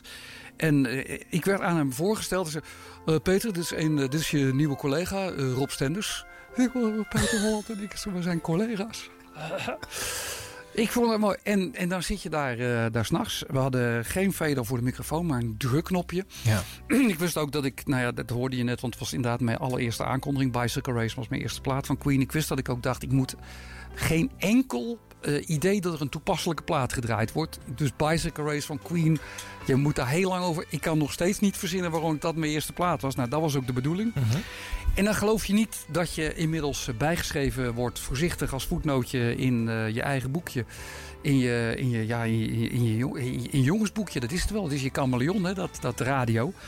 En dan drukken op die, op die knop en dan voor het eerst mogen spreken tegen, de- tegen de mensen. Nou, ik vond het een partij eng. Het eh, mooiste vond ik lange tijd eh, dat ik kon zeggen dat ik bij de radio werkte. En het moeilijkste vond ik er ook daadwerkelijk uitzenden. Want eh, daar keek ik niet naar uit. Ik was zo nerveus, ik vond het zo verschrikkelijk. Ja. Maar het idee dat ik tegen iedereen kon zeggen... Hey, Radio 3 hè? Al was het allemaal 1 en 2 bij elkaar opgeteld. En het moeilijke van die tijd was ook, ik zeg maar weer eens, we doen het zo vaak in deze serie. Je had maar één keer in de week een uitzending. Dus als hij niet zo goed was, moest je een week wachten voordat je wraak kon nemen. En echt erin komen, ja, Ja. dat gebeurt ook niet als je maar één keer in de week Nee. eh, een programma mag maken. Nee, ik. eh, ik, eh, Hans, Hans van der Ven, ik heb het daar nog wel eens over ook. Dat, eh, dan zat je inderdaad op de, de volle Veronica vrijdag. En wij hadden het gevoel dat we het super druk hadden. en dan zag je inderdaad types als Hans van der Veen denken... Gozer, je had eigenlijk eerst even eerlijk werk moeten hebben. Dan had je misschien gesnapt dat je een uitermate luxueus leven leidt. Maar ik dacht, zo, één hele vrijdag op de radio. Hard werken. Ja, ja. Nou ja, goed. Dat, dat, was, natu- dat was de tijd, mensen. Later heb je dat natuurlijk wel gewoon dagelijkse shows gemaakt. Dus je, hebt het ook, je hebt het allemaal zien veranderen ook. Hè? Dat krijg je ook als je natuurlijk zo lang eh, in de radio werkt. Hè? In 30 jaar. Er is een wereld veranderd. Nou, ik heb laatst eh, tegen Frank van- eh, van der Lende, heb ik, die zei van... Heb jij nog met platen gewerkt? nou, toen schaamde ik me wel even. Ja. Ja, in 85 was er nog amper een cd vindbaar, Frank van der Lende. Ja, die, Ja. die was er niet. Nee. Nee, nee dus eh, dat, dat is waar. Ja, dus ik heb de, de, de plaat ook nog meegemaakt. Ja. Dus toen keek hij me wel aan met een blik van... Nou is het tijd om op te zouten hier. Gewoon. ja. Maar goed, eh, nu naar de start eh, op 3FM. Want dit was, eh ja, s'nachts, 1 en 2, VARA. Het was het werd, bijna wel, hetzelfde. het werd wel gezien als drie hoor. Ja. Het werd wel gezien als drie. Zendtijd. Maar goed, eh, in maart 1986 mag je voor het eerst echt hoorbaar zijn op de nationale popzender. Omdat je een invalbeurtje mag doen. Bij eh Angelique Stijn. Serieus? Ja. En tot zover de Jay Giles Band. En wij maar hopen dat deze muziek je niet koud laat. Ondanks het feit dat Freeze Frame de titel van de plaat was. En mocht dat wel zo zijn, zullen we proberen je te ontdooien. Met een platenprogramma dat normaal gesproken gepresenteerd wordt door Angelique Stijn. Maar die heeft examen Nederlands, dus je zult het vandaag met mij moeten doen. Ik zal me even voorstellen, ik heet dus Rob Stenders.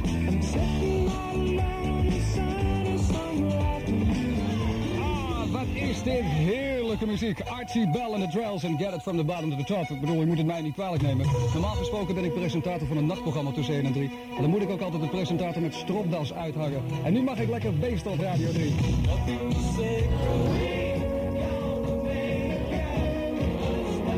Hey joh, zit net 53 minuten op de radio. We're gonna make you a star. Ja, kijk kijk het aan. En dat met mijn capaciteiten, dat zal niet meevallen zeggen. David Essex hoor je, I'm gonna make you a star. Nee, dat we hier maar een keer een ster van maken. Hij staat dan in de verrukkelijke tips en dat doet mij best. Ik vind het zelf goed. De nieuwe single van Johnny Cougar en Bellacat. R.O.C.K. Rock in the USA. Come from the cities and they come from the smaller towns. Ja hoor, en toen was het dus een feit. Rob Stenders. Radio 3. Ja, dit was de eerste keer een invalbeurt bij Angelique Stijn eh, overdag. Eh, wist je die nog? Of, eh? Oh, sorry, je staat niet open. Ehm, ja, die weet ik nog wel, ja. Ja. Dat weet ik nog wel. Godsamme, dat was ook wat, ja. En ehm, ik was... eh, ik, ik, ik, twijfel of ik het moet vertellen, maar ik doe het toch. Ik was te laat. Waarom is hier niemand verbaasd hier in de Kickstudio? Maar het was mijn eerste uitzending. Ja. En eh, dus iedereen had wel iets van, nou, dat kan niet waar zijn. Die gast zit gewoon voor de eerste, eerste keer overdag op, eh, op, op Radio 3. Die komt te laat. Maar ik had eh, kennelijk eh, iemand die dat jaren eh, al deed. En die zat voor mij. Dat was Felix Meurders. Ja. En Felix Meurders eh, riep, eh, dat is de goede instelling, eh, jij komt er wel. Ja, Felix had ook de gewoonte om laat te komen. Expres ook, hè? Die stond zo op de, om de hoek te wachten tot hij zo laat kon aankomen dat de technici bezorgd werden of hij nog wel binnen zou Nou, dat was dus bij mij ook zo. Ja. En, iedereen had wel iets van, nou, aan de, aan de ene kant arrogant, want dat kan niet. Aan de andere kant vonden ze het ook wel charmant. Van, ah, die gast, dat is wel mooi dat hij dit doet. ja. Ja. Ja. Nou ja. Oké. Nou goed, eh, dit was een invalrondje. Laten we dan nu eens voor het echi gaan. Want dan krijg je een, een, een eigen programma op, eh, op eh, Radio 3. Is dat de verrukkelijke Dat is 15? de verrukkelijke 15, hè? Ja, de hitlijst die in 83 bij de VARA gestart was... eigenlijk een soort alternatief lijstje. De alliteratie kwam ook van voorbeeld Felix Meurders. verrukkelijke 15 eh, voor de goede smaak. Jeroen Soer had de lijst gedaan en jij mag dat opvolgen.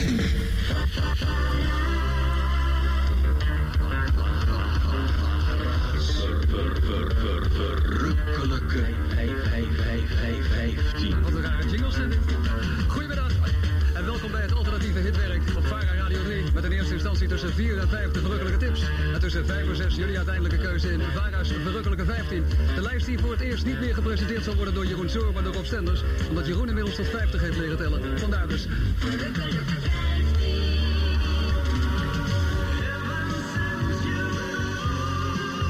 vierde noteringsweek blijven staan op 3. Icehouse, het nummer heette No Promises. We moeten trouwens nog even alle verrukkelijke 15 plaatjes weggeven. En degene die de oplossing van het biografiespel goed had. Ja, wat zou de oplossing zijn geweest vorige week? Dat was ik, zei de gek. De goede oplossing gaf Sandra Dam. En die krijgt derhalve dus alle 15 plaatjes uit de verrukkelijke 15 van vorige week. Sandra Dam die woont in Feyenoord. Jammer dat je de singeltjes van deze week niet krijgt, Mr. Sandra. Want dan had je deze plaat ook gehad. Misschien kunnen we dat wel voor je regelen. Nummer 2, de hoogste verse en terecht, want dit is fantastisch. De nieuwe van de Ramones. Something to believe in. Een waarheid als een koe, want ook Frits Spits vindt dit een hele mooie plaat. Die trouw moest vallen, hè? Ja. maar Rob, eh, dit, doe jij, dit doe je natuurlijk hartstikke goed gewoon. Laten we duidelijk zijn. Dit is bij de VARA eh, niet eh, eh, gebruikelijk wat hier gebeurt. Want de? VARA is nou ja, gewoon, een strakke hit-dj zijn met alternatieve muziek.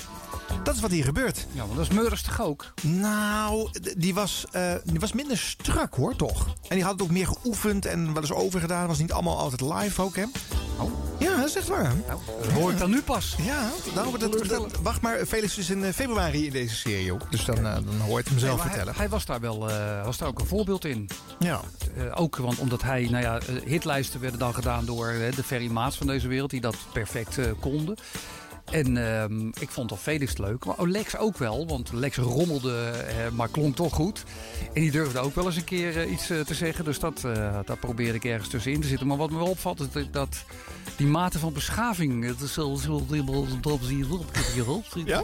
Keurig. Ik vond het toch wel keurig ook. Ja. Oké. Ja, nu ik het hoor, ik wist niet dat ik ooit dat ik zo keurig was. Nou ja, maar goed, ik vind, ik vind wel... eh, je, je, je, hebt- Jeroen Soer vond ik bijvoorbeeld een, een minder hit-DJ-achtige figuur. Die vertelde over de plaat. Ja, Maar jij jogt wel. Dit is niet vertellen over een plaat. Nee, nou, maar hij was wel. eh, ja, het waar, het was, eigenlijk kon dat toen helemaal niet. Hè, want DJ's eh, die gingen niet van de Vara naar de Tros. Dat ging niet. Jeroen Soer eh, die ging van de Vara naar de Tros. Waardoor ik eh, de Verrukkelijke 15 eh, kon overnemen. Ja. Eh, en ehm, ja, ik vond dat ook wel eng. Want ik eh, keek erg tegen Jeroen op. Omdat hij, vond ik ook, heel informatief was. Maar ehm, wel de humor had die bij Jan, Jan, zo Jan Douwe weer ontbrak. Weet je wel. Dus Ja. ik vond Jeroen echt heel goed. eh. Ja.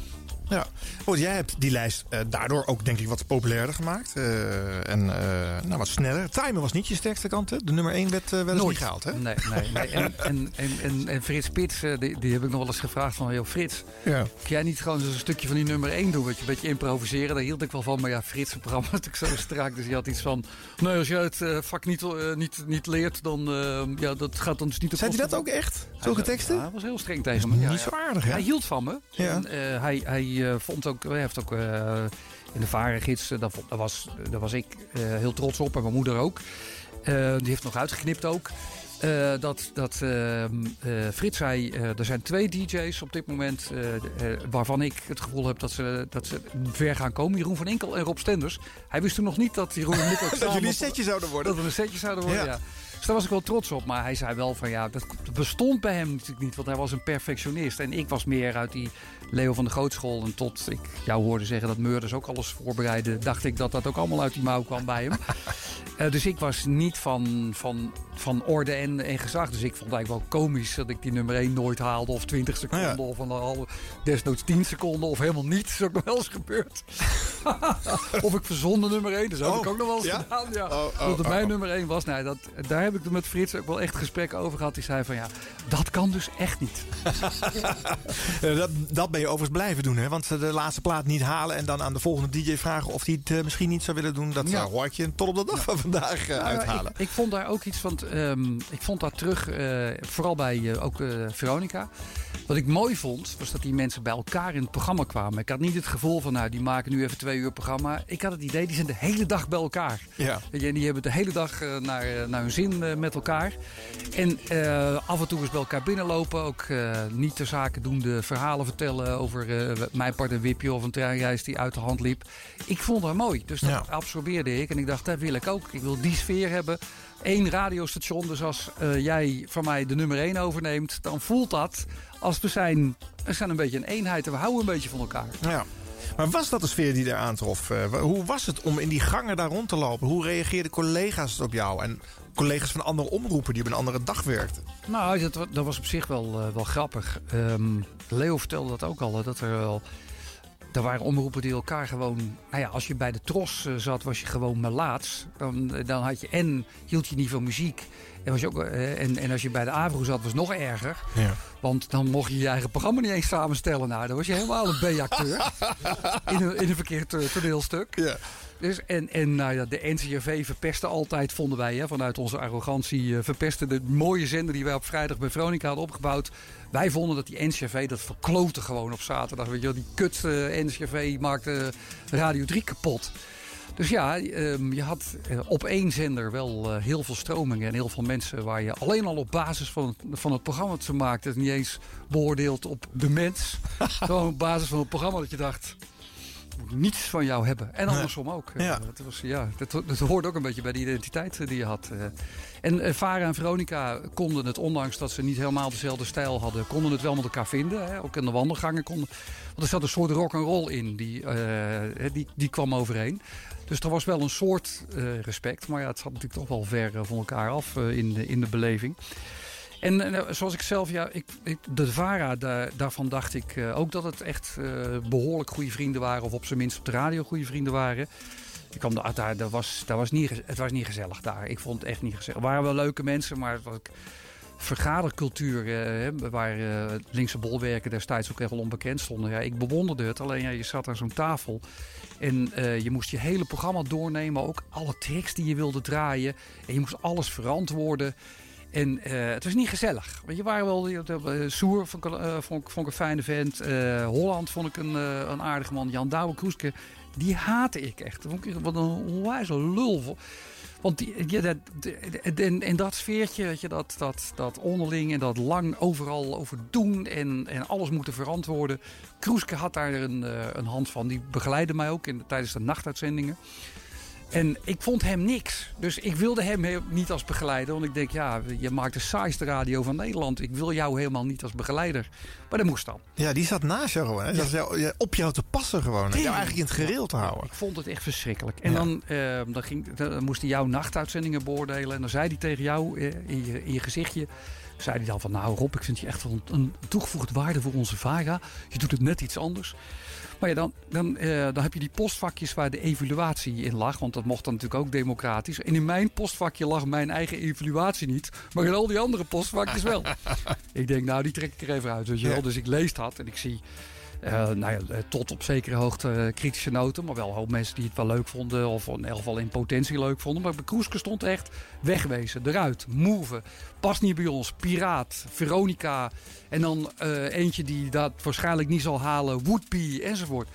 Ik kon dat toch moeilijk rijmen, maar toen hij s'nachts binnenkwam en zei... Ik vind jou echt, Rob, een van de grote talenten van de VARA. En ik dacht, wat is dit voor een zootje? Wat is dit voor een slangenkuil? Dus ik werd daar niet heel vrolijk van. Nee.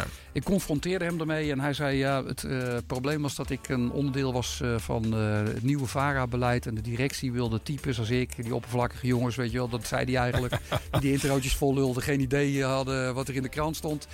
Die types. En daar moesten dus een aantal mensen met inhoud eh, voor wijken.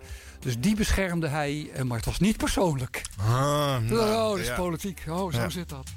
Nou, deze show gaat niet over mij, maar ik heb tien jaar later eh, exact hetzelfde meegemaakt. Met Jan Douwe ook? Ja, ook met Jan Douwe. Serieus? Ja, hij zat niet naast me om mijn programma in de gaten te houden, maar die democratische vergadering Die waar wel, dit ja. allemaal besloten was en die evaluatie, die heb ik ook ervaren. Tien jaar later, 95, nog steeds hetzelfde aan de hand dus eh, bij de VARA. Goed om te weten dat ik uiteindelijk vluchtte. Ja, en bij Veronica was het volgens mij, eh, maar misschien heb ik het zo opgeslagen. Maar was what you see is what you get. Eh, Daar was iedereen succesvoller dan ik, ook in alle opzichten. Dus ik, ik, voelde me daar wel een tikje ongemakkelijk, want ik was niet zo extravert. Maar ik vond het wel eerlijker. Dat gevoel had ik in elk geval. Ja, eerlijker. Nou, eh, doe even een plaatje weer om lucht te happen. Nou, Bert Valent, niet te lang hoor, maak je geen zorgen. En dan gaan we naar die Veronica-tijd.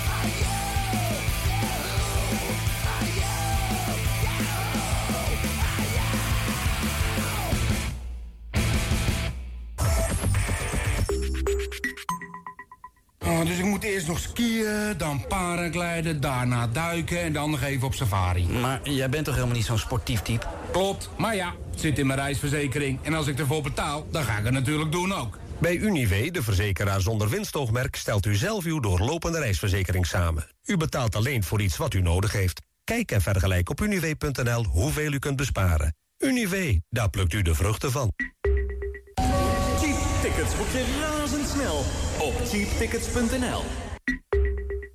Brandjes, schoorsteenbrandjes, barbecuebrandjes, keukenbrandjes en broodroosterbrandjes. Geen brandschade is hetzelfde. Daarom voor elke schade het juiste mannetje. Kijk op interpolis.nl voor de woonhuisverzekering en ontdek wat onze mannetjes voor u kunnen doen. Interpolis.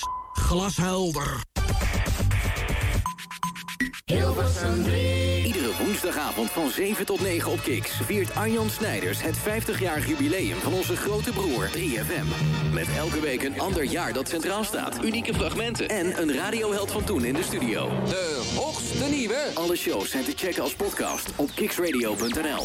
En er is ook het boek van Arjan Snijders. 50 jaar 3FM. Van vrolijke puinhoop naar Serious Radio. De radiobijbel en must-have voor elke muziekliefhebber. Vol met radiogidsen uit alle jaren. Top 10 en unieke anekdotes. Het boek met meer dan anderhalve kilo radiogeschiedenis is nu te koop op 50jaar3fm.nl. Welkom bij Kicks Radio. Radio zoals je het nergens anders hoort. Online en mobiel. Kicks Radio. Please welcome Arjan Snijders. Rob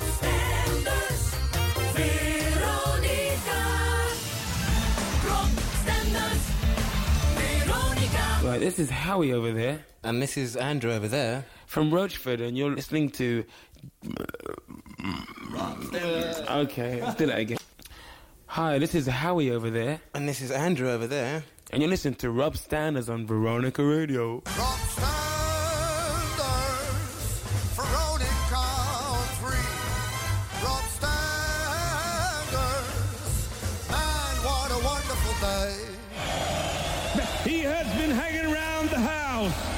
a couple of weeks. He gained a few pounds from doing nothing. But he's back and stronger than ever. In the left corner with the blue trunks, Mr. Rob Ja, live luisteraars. eh, het nieuws van 8 uur hebben we maar even overslagen. Het reclameblok uit 2007 heb ik dan wel weer laten horen. En we zijn weer terug eh, bij Rob Stenders. De 2007 komt er heel erg elkaar uit vanaf. Eh, want we zitten in, eh, in 1987. Die verrukkelijke 15 heb je namelijk maar een dik jaar gedaan. Want dan flirt Nee, wel langer. Nou, anderhalf jaar of zo hoor. Serieus? Ja, echt niet, niet heel veel langer. Dus eh, voor mijn gevoel ook altijd langer. Maar goed, eh, ik zat gewoon op de middelbare school. En ik reed eh, snel naar huis om, eh, om eh, dinsdag om 4 uur op tijd te zijn... om de verrukkelijke tips weer op te nemen. Maar goed, eh, toen eh, werd geflirt met de, met de buren van, eh, van de VOO, de Veronica Omroeporganisatie. Ja, want dat was wel echt de ware liefde van, van, van, van de jongensjaren. Ehm, dat, ja, dat Veronica, dat, die, die zeezender vond ik fascinerend. Dat boek van eh, Rob Oud was jarenlang het enige boek dat ik in mijn kast had staan. Veronica één jaar later. Ja. En ja, ja, die mensen dat, dat, ja, die hadden gewoon een onderdeel uitgemaakt van mijn leven. Dus toen ik door... Volgens mij was het Ruud Hendricks toen, want Lex Harding had eh, zijn auto weer eens eh, op een buitengewoon eh, ja, elastieke wijze om een boom heen gevouwen. dus die lag weer ergens in het ziekenhuis. en die hoorde mij Peter Holland vervangen bij de VARA op drie. S ochtends. En nou, de VARA was inderdaad, hè, daar hadden wij het eerder al over. Het was eigenlijk een soort kwaliteitskeurmerk. Dus je draaide gewoon de, de betere popmuziek. Maar als ik dan iets eh, leuk vond, dan kon mij niet zo verschelen in welk eh, hokje het zat. En ik, ik had ineens de eerste BZM-plaat die ik eh, sinds de hardrock-tijd leuk vond, was die Old Callahan. Dus ja, ik deed daar niet moeilijk over. Ik knalde het gewoon op die VARA dinsdag. Dus ja, ik vind het gewoon een goed nummer van BZN. Die Old Callahan. Dat zat Lex Harding in, in het ziekenhuis. Die zat daar naar te luisteren. En die dacht, hey die roze die bij de VARA BZN durft te draaien met die Old Callahan, die mok hebben. Daar kreeg hij later spijt van, want het werkte andersom ook zo. Maar eh, dus, ehm, eh, en, en eh, we hadden het over Jan Douwe. En ehm, eh, die was dan echt, die ging dan ook de, de week daarna op die vergadering waar we het net uitgebreid over hadden, ging tegen me zeggen: dat is onvara waardig. En dus die deed daar buitengewoon moeilijk over. Ik zei: joh, het is toch geinig dat nummer, dat draaide dan toch als het geinig is. Vond hij niet. Het duurde even, maar ik kon dan toch wraak nemen. Het duurde geloof ik drie of vier weken. Want toen presenteerde hij voor eh, de VARA eh, 140 jaar eh, zangeres zonder naam. Dat deed hij op televisie. Ja. Dus ik zat te wachten op die maandagvergadering. Ik zeg, eh Kroeske, hé, hey, gozer. dat BZM van mij is toch eigenlijk jouw zangeres zonder naam, of niet? Ja. Nee, dat was heel anders. En dat had een ontzettend diepe worteling in de maatschappij. Ja, maar dat was ook heel raar. Jan Douwe ging plots iets doen wat helemaal niet bij zijn eh, normale muzikale idioom eh, Ja, paste. ja, dus in Paradiso en het was inmiddels een cultsymbool geworden, zangeres zonder naam. Ja. Als een paling, alsof het uit Volendam zelf kwam. Hé, hey, ik hoorde Old Callahan. Ik vind het nog goed.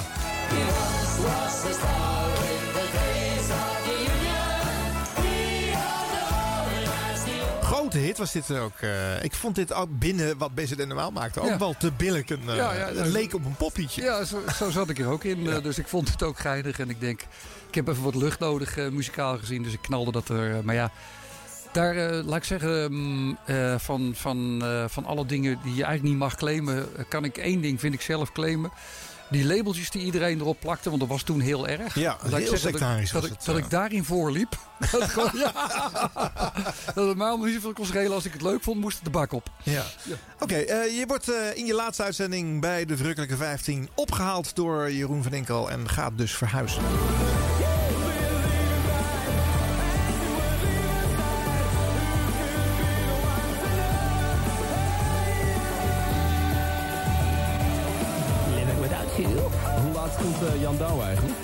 Die van Kroeske bedoel je? Ja. Maar die was toch eh, al op vakantie, of niet? nee, die is al voorbereidingen aan het treffen voor zijn fantastische nieuwe tv-show Kippenvel. En dat krijg ik eigenlijk wel bij de volgende plaat. Heb nummer 1 uit de verrukkelijke 15 is niet zo belangrijk. Dat is George Michael met Faith. Die plaat die hoor je nog wel een keer op vrijdag of zo. Maar... Wat een arrogantie. Maar de plaat die wij persoonlijk, Van Inkel en ik, op nummer 1 hebben staan... Die Van Inkel en ik? Van Inkel en ik, ja. Wij, samen. Klinkt trouwens wel. Wat? Stenders en Van Inkel? Of... Ja. Het heeft wel een klank van, hmm, Ja, hè? dat bekt wel. Overigens, ik heb de limo afgezegd. Je moet nu echt lopen weer gewoon. Echt waar? Ja, die wachten niet nog. Oh. Zo lang op jou. En als ik dan deze plaat speciaal aan de chauffeur opdraag, zou dat misschien... eh, Ja. Weet dat- niet. De kans dat het een klein beetje helpt als je dat doet. Goed. Voor de chauffeur van de limo. Ja, zwart was het. De limo. Vier deuren. Nou, de vriendste natuurlijk. Ja, ik begrijp het. hè. Have a little faith in me. Die wil ik ook nog speciaal even Brothers voor. Petertje Holland draaien. Hier is John Hyatt, staat op 6 in de verrukkelijke. When the road gets dark and you can no longer see, just let my love throw a spark. Dit is er zo eentje, zo'n plaat eh, waar jij het effect, het verschil tussen Vara en Veronica enorm mee duidelijk kan maken, eh, volgens mij. Ja, het is, eh, ja, het is niet geworden nog, ja, eh, Ja, dat klopt. Ja. Ik heb het bij Veronica ook lang volgehouden, om het, eh, want het misschien wel een jaar zelfs eh, volgehouden. En eh, het is dan een officieel geregistreerde hit geworden, dus dat is leuk. Want ik heb ehm, in latere dagen John Hyatt een keer in de studio gehad, smiddags van 12 tot 2. Ik verving Henk Westbroek. Nou, jochie, eh, elke keer als er eigenlijk een artiest komt waar ik eigenlijk niet zoveel zin in heb, mag jij het doen. dus dan zat ik daar met mijn, eh, met mijn blokkendoos Engels. En eh, John Hyatt was door de platenmaatschappij op de hoogte gebracht dat ik de man was die bijna anderhalf of twee jaar lang eh, Have a Little Faith in Me gedraaid had. En daardoor was het een hit geworden in Nederland. Ik vond dat toen nog niet zo'n boeiend wapenfeit, maar John Hyatt komt toen naar me toe en zei, ik, keurig Engels overigens, hè. ik vertaal het maar meteen. Weet je dat ik nog nooit een hit heb gehad, nergens ter wereld, alleen in Nederland? hij had wel veel nummers geschreven die voor anderen Ja. in de hitparade gekomen waren. Maar hij had dus zelf nog nooit een echt top 40 hit gehad. Dus zijn platenmaatschappij had het toen opgestuurd dat hij op nummer 11 stond of zo in Nederland met Have a Little Faith in Me. En hij zei, ik vind het dus bijzonder om jou eh, te ontmoeten, want eh, jij hebt dit dus gedaan. Ik denk, nou, dit is echt helemaal de omgedraaide wereld. Ja. Hij vindt het bijzonder om mij te ontmoeten. Ja, ja.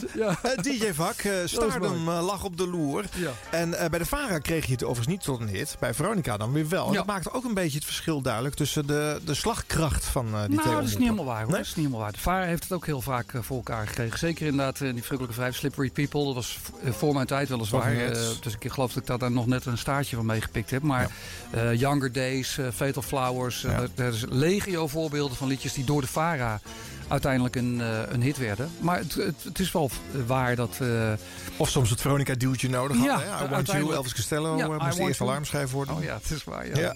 In, de, in zijn autootje, ja. Ja. Hé joh, gozer, wat draai je nou? I Want You van Elvis Costello, dat is verschrikkelijk mooi. Is daar op single uit? Nee, is een LP-stuk. Dat is volgende week op single uit.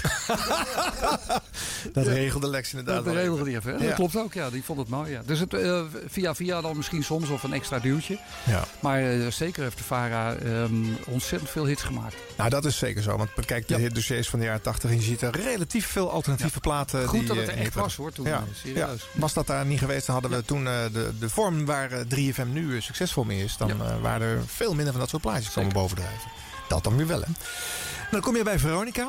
Bij eh, Jeroen van Inkel, die al een behoorlijke status heeft. Want die heeft eh, eh, met Adam Curry een succesvolle vrijdagavondshow mogen maken. En dan kom jij licht introvert. Vol met goede smaak. Dat kamp binnenstappen, vol met lekkere wijven. En snelle jongens. Nou ja, kijk, het, ehm, het- het rare was natuurlijk dat je, je nam op dinsdag dan afscheid eh, van eh, de VARA. Op vrijdag kwam je in precies hetzelfde gebouw. Hetzelfde studio. Maar je had dan een transfer gemaakt, weet je wel. Ja. Ja. Eh, maar andere mensen, ja, eh, Veronica, ik was daar eh, natuurlijk helemaal nog niet klaar voor. Omdat dat, ja, dat waren ook allemaal, of, of ze het deden of niet. Sommigen zullen het ook wel gespeeld hebben. Maar het leek inderdaad een totaal extraverte omgeving. Wat voor mij eh, echt onmogelijk was om daarin te, eh, te overleven. Eh, dus ik, ik, ja, ik vond dat wel echt ingewikkeld. En eh Curry en Van Inkel, daar gaan we weer. Ik heb natuurlijk ook een keer Edwin Evers moeten opvolgen. Curry en Van Inkel was ook niet op te volgen. Dat gaat gewoon niet. Die, dat was zo verschrikkelijk goed. Ik vond het ook hè, als luisteraar. En, ik, ik liep daar dan vaak langs in dat cel, omdat we in hetzelfde gebouw zaten. En dan zag je inderdaad die pool, die, die Sodom en Gomorra. Eh, maar ik bewonderde het met al die prachtige vrouwen die daar op die bank zaten bij dat Curry Van Inkel. En nou ja, als je daar naar luisterde, je stond echt, eh, echt krom van de jaloezie. En ineens sta ik dus zelf in dat decor. Maar dat klopte natuurlijk helemaal niet. Dus ik vond ook al, ik had een varen-achtergrond. Dus eh, ik, al die, die, die, die babes, die, die, die koffiejuffrouw heette, dat vond ik ongeëmancipeerd. Dus dat moesten stylistes worden. Ik zie Van Inkel nog kijken. Jezus, wat hebben we aangenomen. ik zei, nou, daar heeft, daar heeft in elk geval nog een funk koffiejuffrouw. Vind ik zo ongeëmancipeerd. Ja. Zo'n vara, jongen, weet je wel. Ja. En eh, ja, dus eh, voor mij was het best wel moeilijk. En ik, Jeroen was natuurlijk ook zo'n verschrikkelijk goede en technische radiomaker. Die maakte schilderijtjes met vormgeving. Ja, hij krijgt daar eh, soms weinig krediet voor. Maar de- Giel Belen heeft zich daar duidelijk door laten inspireren. Gerard Ekdom ook. Ja. Hij was eh, misschien wel de eerste die dat echt op deze manier eh, deed. Eh, en hij was dan weer, zei hij, eh, geïnspireerd door Peter Holland. Eh, maar dat was, dat was een geëngageerdere versie. Ja. Maar eh, ja, ik, ik stond echt. Zo voelde ik het echt. Dat is geen valse bescheidenheid. Dat is echt met diepste wezen van mij. Ik dacht, ik ben hier als amateur van, eh, van de RK-TVV terechtgekomen in de Champions League. Toen nog Europa Cup 1 bij Ajax. Ik denk, dit ga ik never, nooit, niemals overleven. Die mensen zijn gewoon, eh, die zijn veel te goed voor mij. Dus ik kan, niet, ik kan hier niet in overleven. Dat kan gewoon niet. Maar toch doen. Werken, morgen, eh, echt uitglijden. Het ergste moment was voor mij in Montreux. Eh, Veronica kwam toen vanuit Montreux. En Wester van Diepen, die ook bij de VARA eh, eh, was gekomen... die eh, hebben ze uiteindelijk ook bij Veronica overgenomen. Die, die deed een setje met, met Jeroen van Inkel. Ik zat ernaar te luisteren. En ik dacht, ja, dit is serieus. Hè? Dit is echt gewoon veel beter. Dat gemoor van mij, dit is het gewoon. Want het past ook bij de showbiz van Veronica. Dus ik had me eigenlijk al voorbereid op... dit gaat niet lukken. Ik, en Lex die, die zei ook nog tegen me... Hey joh, je mag gewoon winnen. Ik ga je er niet uitflikkeren. Want je bent een goede gozer en een goede disjockey. Maar je bent geen entertainer. Nou, dat dacht ik zelf ook wel. maar ik werd gered door de vrouw van Jeroen van Inkel. Ik zal het nooit meer vergeten. Die de potentie in mij zag. Lees misschien. Die zei van als je nou weer Wessel van Diepen aanneemt, eh, Jeroen. Dan krijg je weer een ster naast je. Weer iemand die gewoon eh, in, vol in jouw spotlight gaat staan. Neem nou die Rob Stenders, want dan ben jij de baas. en dan gaat die Rob Stenders er een beetje naast zitten. En dan ben jij eh, eh, de koning. En Van Enkel vond mij ook lief, dus die vond het ook moeilijk om me af te serveren meteen. Dus na dat Montreux, waarin ik wel zag van ja, ik kom echt tekort eh, voor dit niveau, zijn we wel echt gaan lullen en hebben we echt heel zwaar gevochten. En uiteindelijk geloof ik dat het dan toch gelukt is. Nou, wat, je, wat ik altijd opvallend vind, als Jeroen van Inkel over deze tijd gevraagd wordt, zegt hij altijd: Stenders in Van Inkel, dat was de goede show. Curry Ja. van Inkel was leuk en was natuurlijk bijzonder omdat het daar losbarstte. Ja. En de eerste succesvolle duo-show in Nederland eh, werd neergezet. Ja. Maar met Stenders in Van Inkel was sowieso inhoudelijker en ja, was beter gewoon. Ja, hij vond het raar dat ik over die dingen nadacht. Maar dat had ik dan inderdaad bij, eh, bij, bij, eh, bij de VARA wel geleerd. Hè. Dus over Iets voorbereiden. Nou ja, nadenken over de dingen die je doet. Eh, en ik, nou ja, ik, ik, ik vind dat ook altijd. Ik ben er altijd wel trots op als hij dat eh, zegt. Want ik vond Curry en Van Enkel echt weergaloos en, en briljant. En ehm, het had een dimensie ehm, die ik niet kon brengen. Maar andersom geldt dat natuurlijk ook. eh, Dat door, de, de- door twee echt tegenovergestelde types. Jeroen en ik, dat werkte dus ook goed. Dus dat kon ook.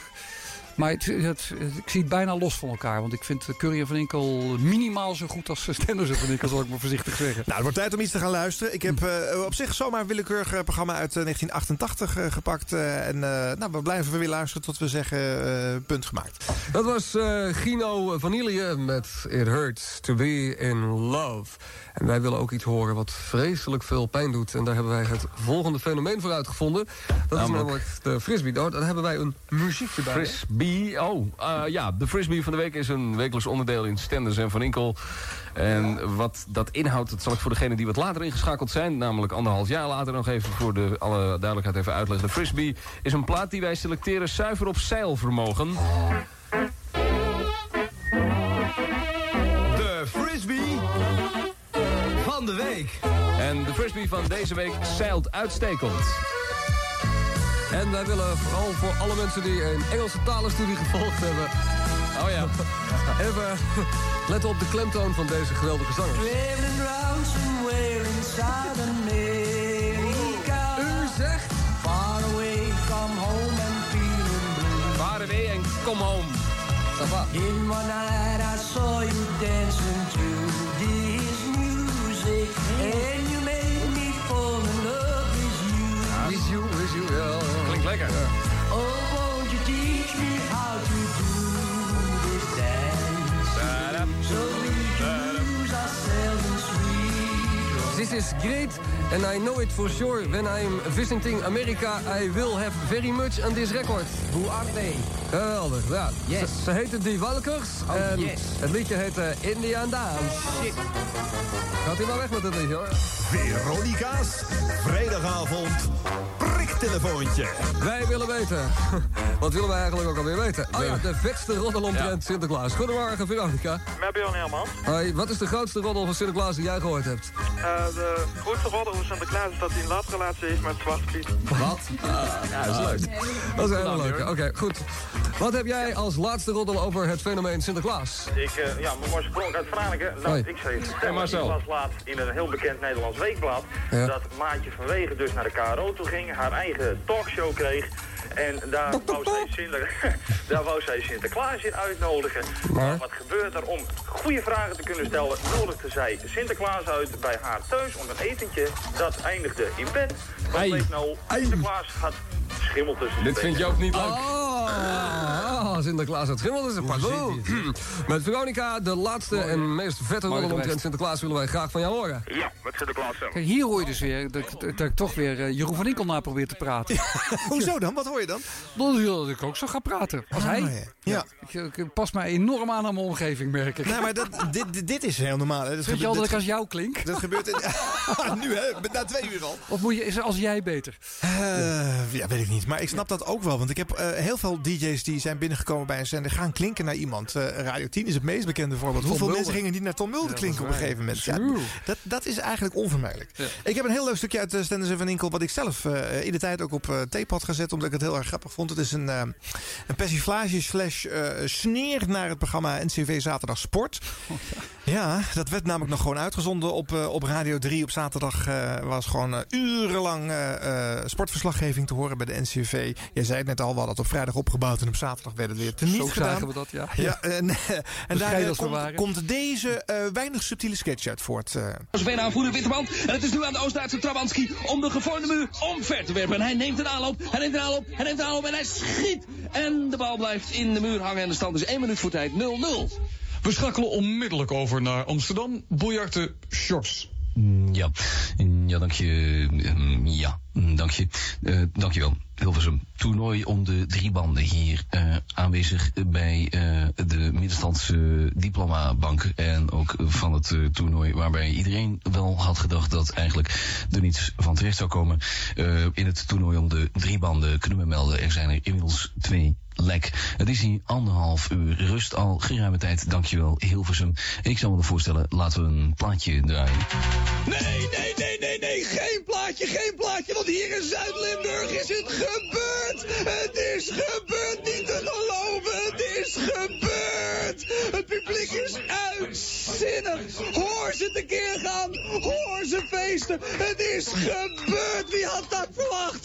De wedstrijd is afgelopen! Onder luid applaus van het aanwezige publiek wordt afscheid genomen van de 22 gladiatoren die de afgelopen 90 minuten geschiedenis hebben geschreven in de strijd om de Veluwe Lokaalpokaal. Ja, en tot zover onze sportieve bijdrage voor vanavond. Voor meer gesproken woord en sportieve hoogtepunten op de popzender... kunt u terecht aanstaande zaterdag op Hilversum 3... vanaf 4 minuten over 4 voor het programma Zaterdag Sport. Sanders Music, please. Van Inkel. Ja, het is tijd voor rock'n'roll.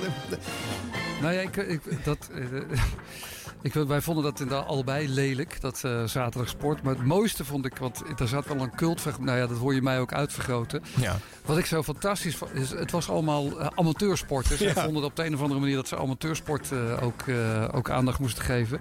Maar dat werd behandeld alsof het Europa Cup 1 was. dus had je RKTVV tegen Tak. Ja. En dat werd echt behandeld. Je hoorde ook nooit publiek, weet je wel, of heel weinig. Maar het, het, het niveau was Jack van Gelder eh, bij een doelpunt van Bergkamp. Ja. Nou, dat vond ik altijd zo mooi.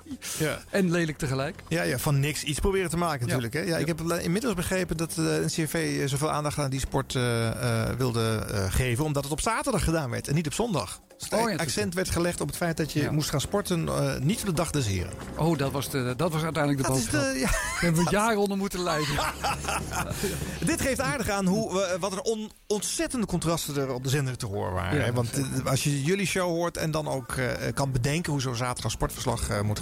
wat, wat, wat is dat voor een rare omgeving geweest? Of, of zat je eigenlijk alleen maar in, in dat Veronica-pand op het nee, en was dat je wereld? Nee, toch niet. Nee, nee. Wat, nou ja, wat, ik, wat ik eerder zei, je had gewoon eh, partijen waar je respect voor had. Nou ja, in, basically was dat de, de VARA vond je wel goed. De, de, de VPRO was wat dik doorgeslagen in arrogantie, maar daar had je ook nog wel de bewondering voor. KRO was een nep-VARA en dat ging nog wel, want het draaide ze af en toe nog wel eens een leuk liedje. Ja. En voor de rest was het bagger. Zo stonden we erin, hè? Ja. ja. ja. En Met een paar eh, goedwillende, eh, bedoelende collega's... eh, eh, die dan nog af en toe eens een minzaam knikje van ons kregen. Maar voor de rest vonden we het niks. Oké, Stenders en Van Inkel eh, bestaat een jaar of vier. Want dan eh, ga jij eh, iets anders doen. Eh, daarover zo meer. Even een stukje luisteren van die, eh, van die laatste editie.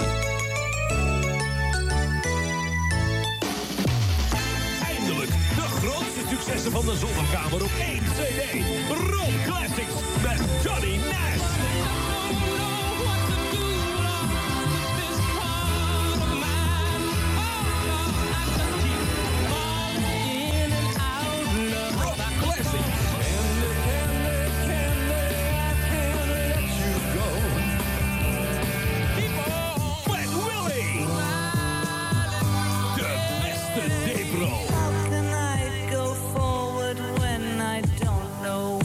Rob Classics, een kwestie van de Rob of de ander. 17 helden, oud en jong.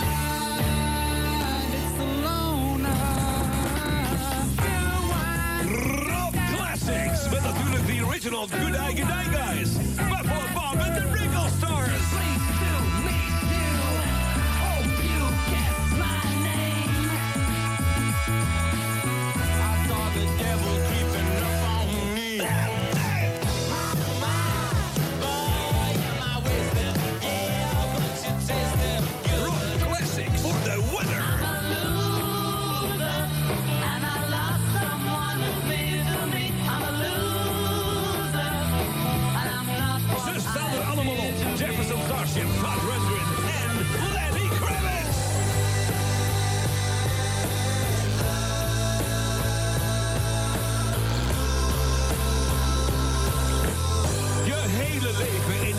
In 70.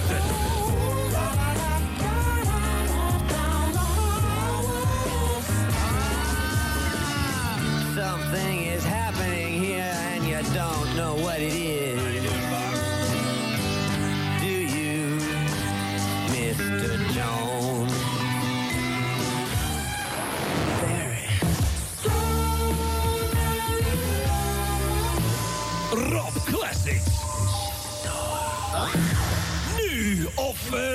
Een handje lek. Nog nooit stonden er zo weinig hits op één cd.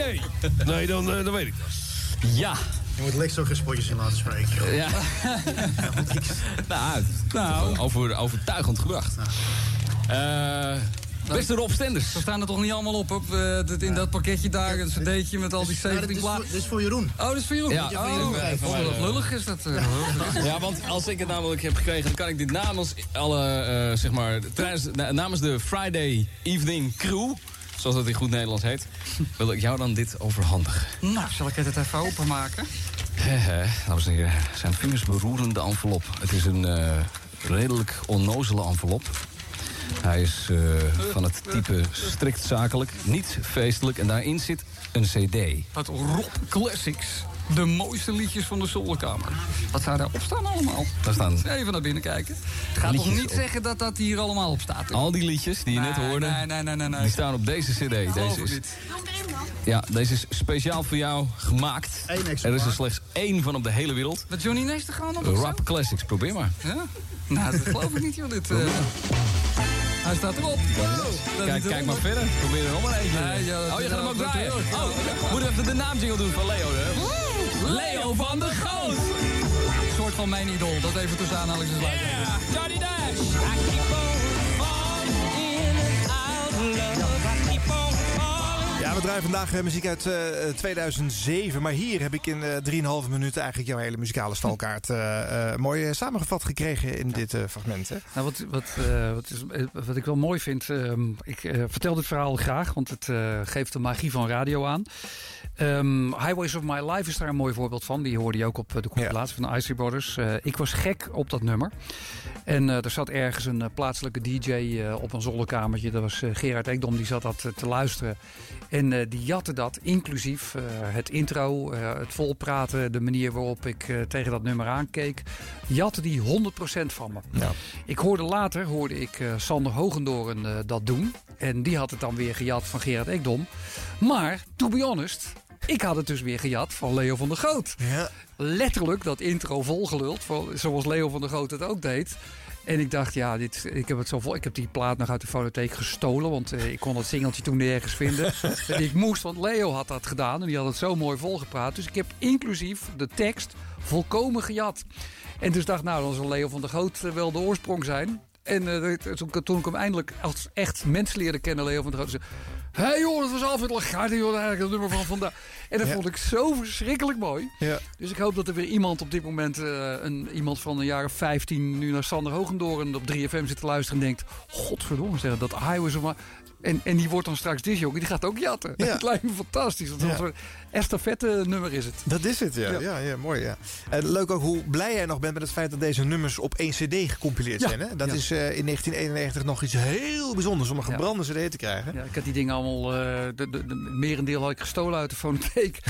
Eh, overigens alleen maar als er meer exemplaren van waren hoor. Ja. was het ook Oh, dat toch wel? Ja, ja. Oh, kijk eens aan. Ja, ja. Ja, en eh, ja, dus dit, dat dit op een recordable CD gezet voor- was voor me. Nou, dat was het mooiste cadeautje me kon geven. Ja, ja, ja, dat is echt heel Op leuk. CD. Ja, op CD. Je geloofde dat ook gewoon. Die staan Nee. ze er echt op. Er waren dus mooi, diverse nummers die no- nooit op CD waren gezet. Ook gewoon nog nooit commercieel uitgebracht. En nu mooi. had je dat op een CD en dan was het voor het echt. Ik was blij dat, mee. Dat is geweldig, ja.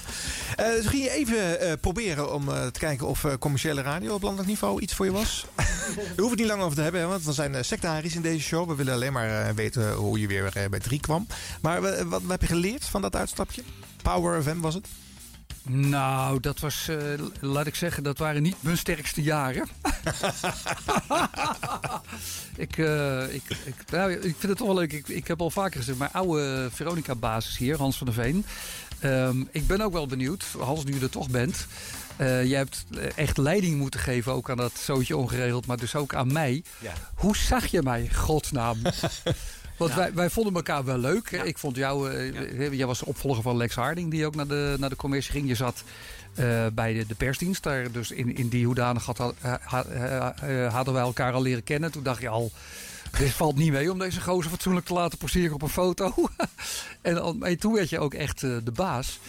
En eh, nou, zeker op het moment dat ik mezelf ehm, nou ja, een beetje uitgeschakeld was, zijnde van ja, dit waren echt mijn moeilijkste jaren. Eh, ook alles wat daarna kwam. Hoe keek jij daar in godsnaam naar? Ook zo. ja. Nee, nee, nee. Nee, het was... ehm, eh, nu kan je dat ook makkelijk zeggen. Maar jij zat...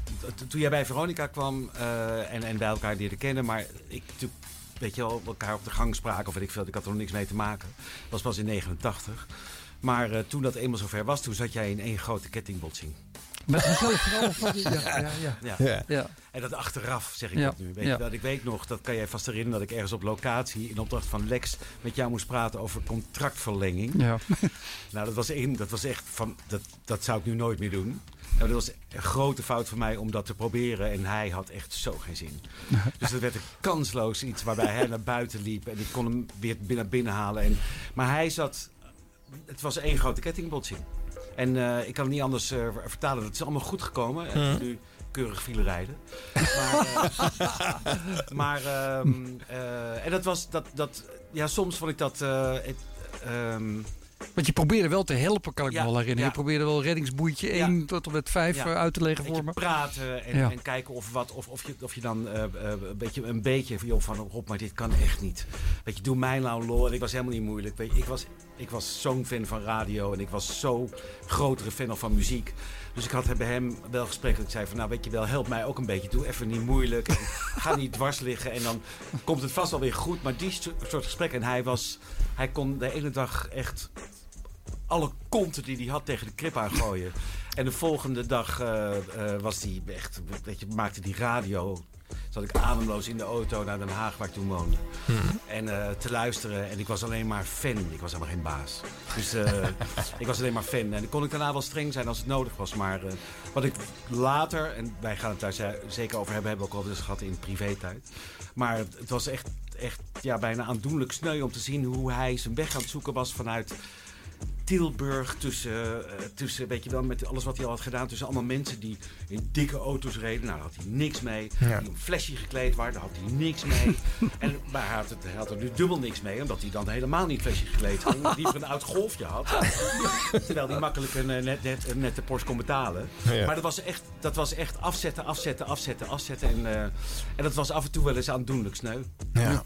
Maar, maar bedoeld als hij goed bedoeld Ik snap hem, ja. Maar Ja. ja. ja. Ook een beetje onmacht wel, denk ik, toch? Ja. Dat was het ook wel, ja. Ja. Ik voelde ook wel ehm, dat, eh, dat ik het ook niet zo goed wist welke kant het op moest. Eh, want ik eh, vertegenwoordigde in mijn hoofd alles. Alleen het, eh, het ene kon ik, het andere kon ik helemaal niet. En eh, ja, dat heeft inderdaad wel tot al die confrontaties. eh, maar ja, uiteindelijk ehm, heet dat dan te zijn eh, dat je daar ook van moest. Dat louteringsproces heet dat dan. Ja. Dus het was wel goed hè, dat ik uiteindelijk al die krankzinnige escapades en dat ik, dat ik alle kanten op stuiterde.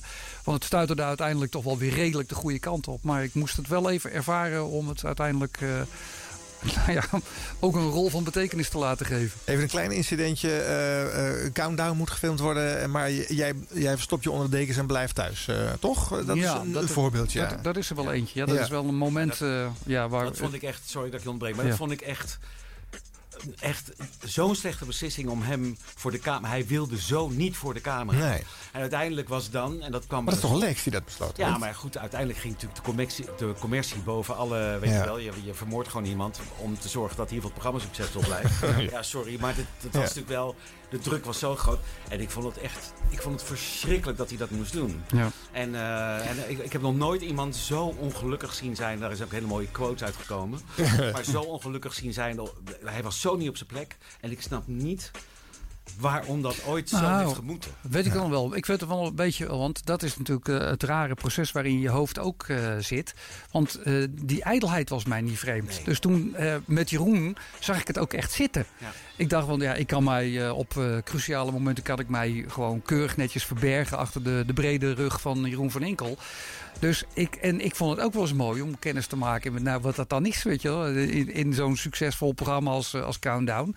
En, en met Jeroen en de ideeën die we hadden, de creativiteit en wat we ermee wilden, zag ik het ook echt wel zitten. Dus, eh, maar ja, dan ben je er nog, nog niet, niet voor gemaakt. nee. En, en, en ja, toen kwam inderdaad ook nog dat fenomeen dat, eh, dat je dan uiteindelijk countdown doet in de tijd dat met die twee zenders. Veel mensen van mijn generatie roepen twee zenders, dus dat heeft wat meer impact. Ja, daar kijken gelijk eh 1, of 2 miljoen mensen naar zo'n programma. Maar het mooie vond ik dan wel, dat je dat, eh, dat, dat, dat aan de ene kant, dus dat, dat gaf een beetje natuurlijk eh, die, die, die, dat kortsluitingsproces in mijn hoofd eh, mooi weer. Ik vond het ook wel mooi dat, dat, ik, dat, ik, dat ik ineens bestond. Dat ik Ja. niet meer een of andere anonieme gek was. met, met moeilijk haar, eh, die, die met O-benen, die, die niet deed bij de meisjes. Eh, en, en, en het moment dat ik dan het countdown deed, eh, was ik er ineens wel. Dus ik, ik vond dat ook weer mooi. Dus eh, nou ja, dat strandde allemaal. Dus dat heeft eh, ertoe bijgedragen dat die, die grote kortsluiting eh, kwam. Ja. Er waren zoveel. ik- Één één quote wil ik echt. Die, die ga ik, die, Om ietsje dichter bij de microfoon. Ja. Eén quote nemen mee mijn graf in. Er zijn er wel meer, maar die vond ik echt geweldig. Toen die bij Countdown zat, toen Paul McCartney kwam daar. Ja. Ik weet nog dat ik met Simone Walraven eh eh Paul McCartney ging ophalen op Schiphol. En eh, die, die zat in de studio. En toen werd hij nou alleen maar aandacht van meiden later. Toen hij eh, in de studio zat. En dat was iets wat echt... was Ja, ik had geen idee. Dus hij ging, Ja. quote, unquote... Vrouwen zijn voor mij de Paul McCartney interviewer van deze wereld. Nee, nooit meer. Was dat van, nee, mag ik een handtekening? Ja. Ja. Dan rende die heel hard weg. Ja, ja, ja. ja.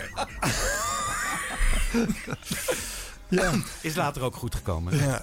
Maar goed, jij bent hier 2, 3, 24 of zo. Weet je wel. Het is ook nog wel relatief jong. eh, Ja, ja, en dan, dan ook zo voor de leeuw gegooid worden. Het, eh, ik kan me er alles bij voorstellen. En het is inderdaad een andere tijd. Eh, media had nog zoveel meer impact. Hè. Dan was ik ook maar heel weinig verschillende radio. Ook, hè. Radio 3 was oppermachtig. Hè. Enorme marktaandelen. Nederland 1 en 2 waren gewoon de enige twee zenders. Tenzij je de Duitsers kon ontvangen als je in de buurt van de grens woonde. Het is niet voorstelbaar. Dat uitstapje eh, naar eh, Power FM, we laten het onbesproken verder. Maar eh, je moet natuurlijk daar wel weer terug zien te komen daarna. Bij, bij Radio 3 en ook zelfs bij Veronica. Het duurde heel lang voordat ik er spijt van had. Twee uur om precies te zijn. Dat is ook wel eens vaker gebeurd. Ja, dat is ook wel eens vaker gebeurd. Ja. Dus ja, en ik, eh, dat, was ook, dat was ook buitengewoon pijnlijk. eh, Want eh, de opvolger van mij bij Veronica eh, s middags was Wessel van Diepen. En onderweg naar Pound, of Pound, dat is later, Ja. naar Power FM.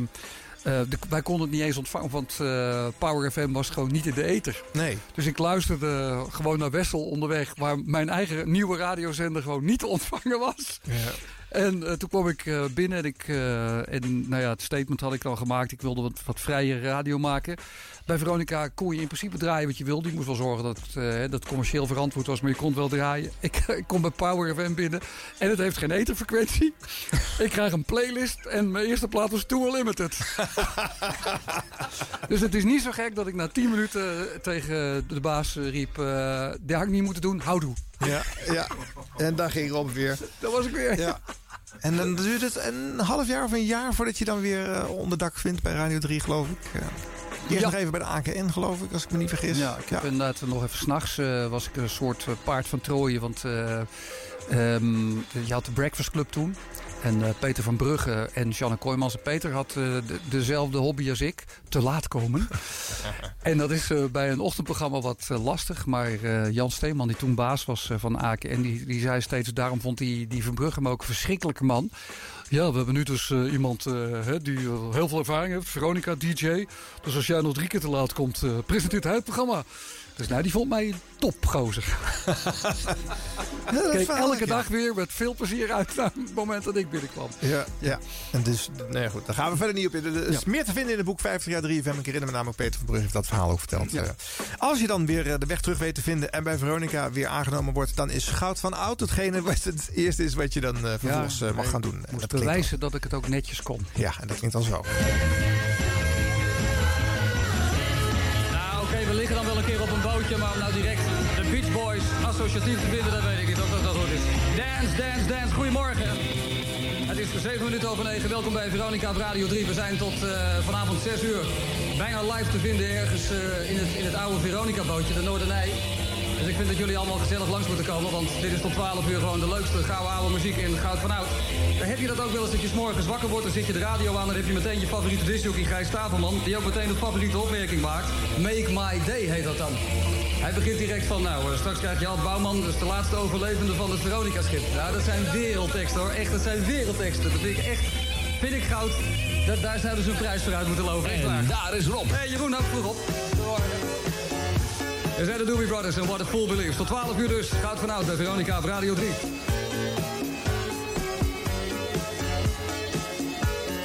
Nou, dat werd eh, kennelijk eh, afdoende ervaren.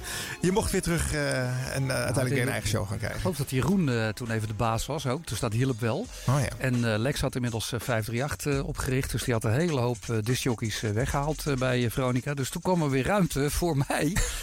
En eh, nou, Jeroen de baas, ja, dat kon eh, niet fout. Eh, dat was natuurlijk ontzettend leuk. dat, nou, ja, dat was ook een leuke periode toen. eh. Ja. Nou, Hij was ook helemaal niet zo'n strenge baas. Hij bestelde wel altijd meer naamjingles voor zichzelf dan voor de rest bij, bij elkaar opgeteld. Dat was altijd wel mooi.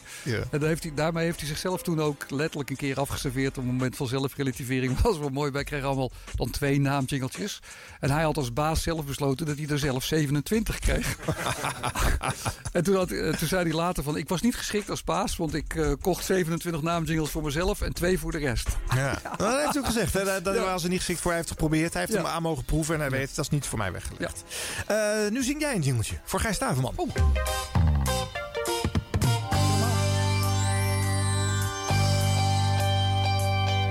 Oh, had ik maar grijze haar. Dan was ik al om vijf uur klaar. Mijn leven vol met lijsterellen. De hele dag juristen bellen. En nooit meer vanaf 40 te tellen. Welke lijst je ook presenteert, Gijs, je bent voor mij... Nummer 1. Deze weet je niet meer, hè? Nee, nee, dat is wel leuk. Ja, ja. Ja. Dat ik wel gijzenhaar, ja. Het is eh, dat, nog steeds actueel. Ja, maar toen had eh, Gijs nog een lange staart ook. Hè? Ja. Dat is waar, ja. ja. Ja. Ja, en ik hoor je ook over hoe lang de lijst is. Dus dit is waarschijnlijk de fase waarin de top 40 de mega top 50 eh, is eh, gaan worden. wel, Dat is ja. even heel erg nerden, mensen.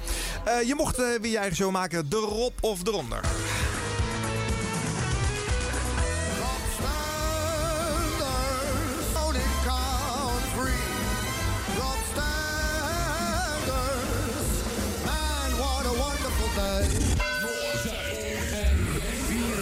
Uur per dag.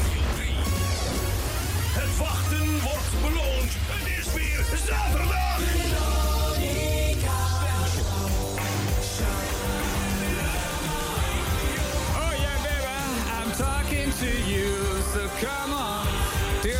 Toen ze nog verliefd op elkaar waren. En shout, let it all out. Vrienden, goedemorgen. Welkom bij Veronica op Radio 3. Tot 12 uur zijn we bezig met een nieuwe aflevering van De Rob of de Ronde. En zo rond kwart voor 12 hebben we de lustparade van de meisjes van Indigo. Indigo. Dan zullen we natuurlijk ook de nieuwe single erachter draaien. Maar eerst even nummer 1 van Nederland. Nummer 1, nummer 1, nummer 1, nummer 1, nummer 1. Vanmiddag gooi je de rangen en standen bij Dat was hem. A cappella en... eh, Was het maar a cappella? oh ja, het verdomme heet Capella en Move On Baby. Oh, je dacht ook dat het echt zo was? Ja. Oh, het was geen geitje.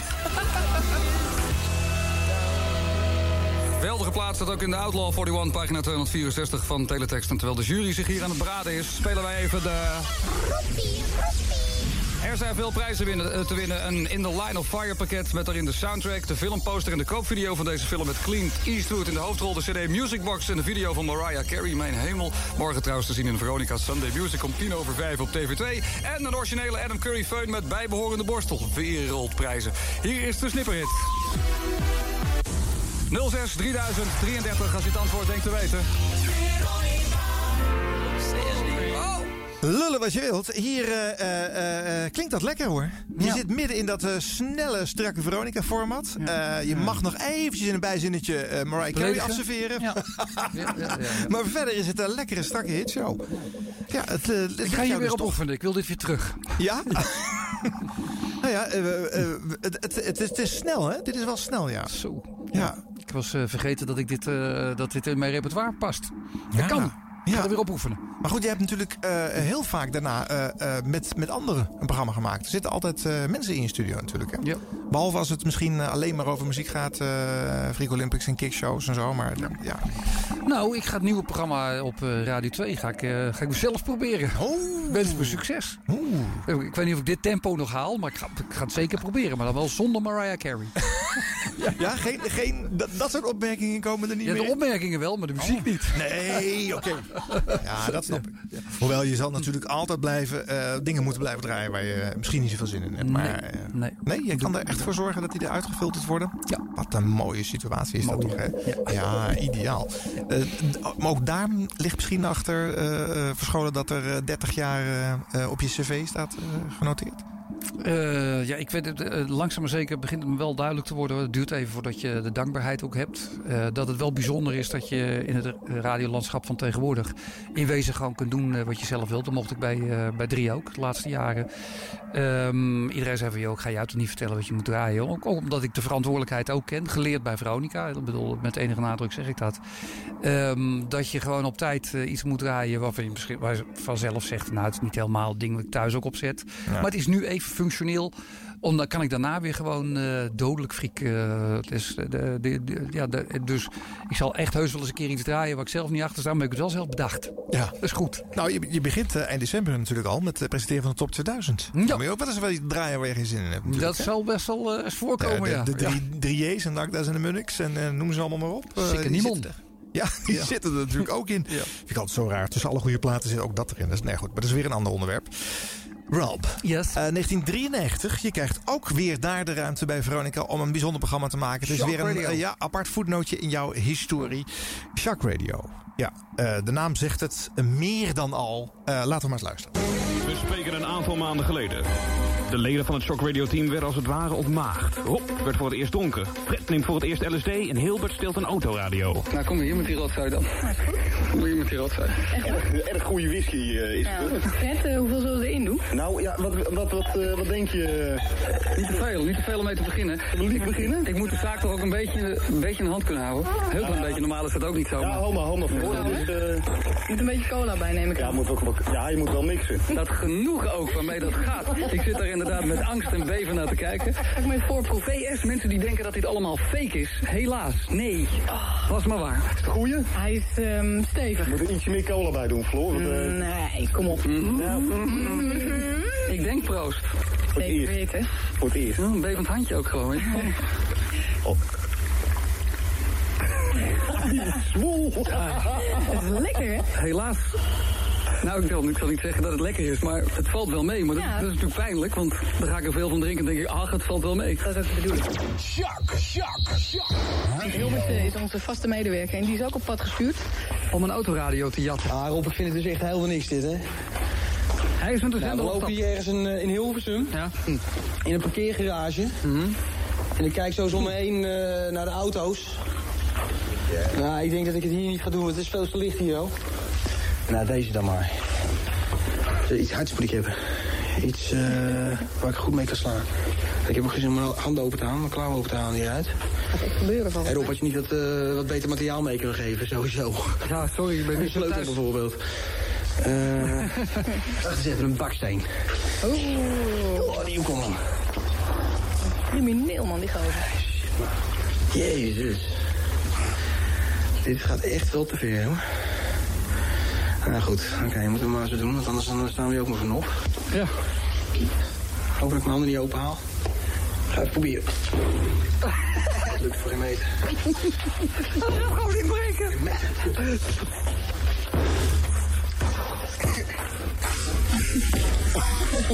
Oh, jongen. Oh, dit... Wat wil je dat doen, joh? Ga niks doen. Is niet te geloven.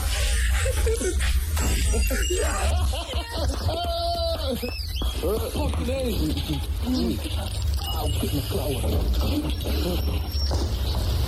We benaderen nu het einde van de eerste keer uitzending. Picture this. Een discjockey die dronken is en een plaat die afloopt.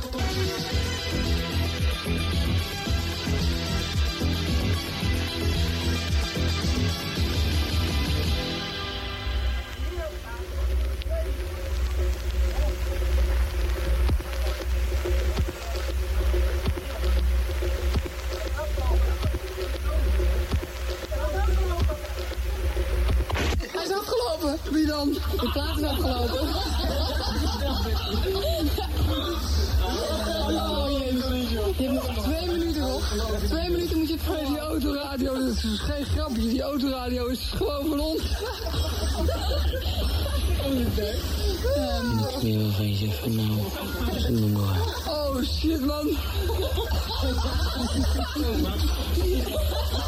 Even een kleine toelichting. Rob krijgt nu de koptelefoon opgezet door Fred, de technicus. En hij vertrekt nu. Rob, ga terug, kom op. Nog één minuut. Eh, Fred, hoe gaat het met jou? Hoe heb je deze aflevering doorstaan?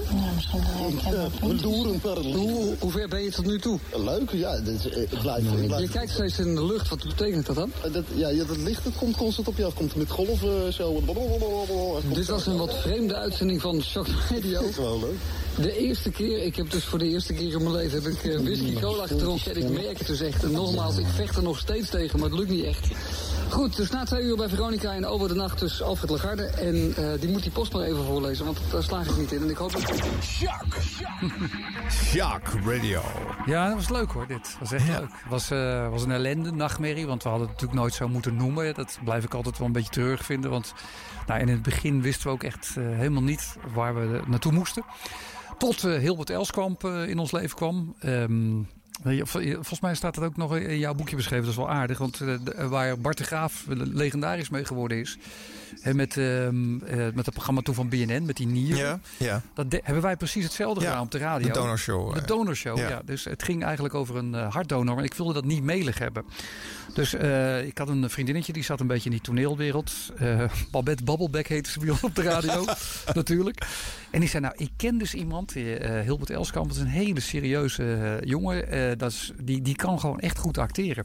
En die kan heel goed stemmetjes doen. Dus ik wilde gewoon, ik geloof dat ik... eh, iemand die heel slecht eh, geleefd had, eh, maar een Nederlandse klankkleur had. En, en er was iemand die dan Marokkaans klonk en ja, keurig, netjes alles gedaan had volgens de norm. Dus wie mocht dan het donorhart hebben? Maar ik deed dat dus, ik wilde het niet melig hebben. Dus ik wilde het heel serieus hebben. Ik leerde Hilbert kennen. En nou, die Hilbert die deed dat werkelijk voortreffelijk. Dus die, die, die speelde die rol. En iedereen, of bijna iedereen, die trapte daarin. En nou ja, later bleek dat dus inderdaad eh, eh, een fakertje te zijn. eh, net als bij eh, BNN het geval was. Maar we hebben daar verder niks meer mee gedaan. Maar ik dacht wel, die gast is goed. En die kon dus die stemmetjes. En eh, vanaf het moment dat hij betrokken werd bij het programma... eh, werd het programma leuk. Hij had bijvoorbeeld een fantastische gietitelaar. Ik vertel het altijd graag, want dat vond ik een van de allerleukste dingen. En die was zo'n goede imitatie van... Ik heb eh, het geluid eh, ervan, dus Oh, eh, dat is... verklap niet alles. Nou, laat- Of zal ik het laten horen? Ja, laat maar. Ja. Ja. We hoeven niet meer geïntroduceerd te worden, Is dit het gesprek met Wubbo? Ja, ja. Oh, fantastisch, ja. Wubbo, hij, hij kent natuurlijk Wubbo, eh Giet Rietelaar. Ja, Maar maar wij ik moet even zeggen, aan, voor de jonge luisteraars, wie is de getitelaar? Nou, dat is de, de wetenschapper. ik, ik heb nu bij de Avrotros een concept ingeleverd op televisie.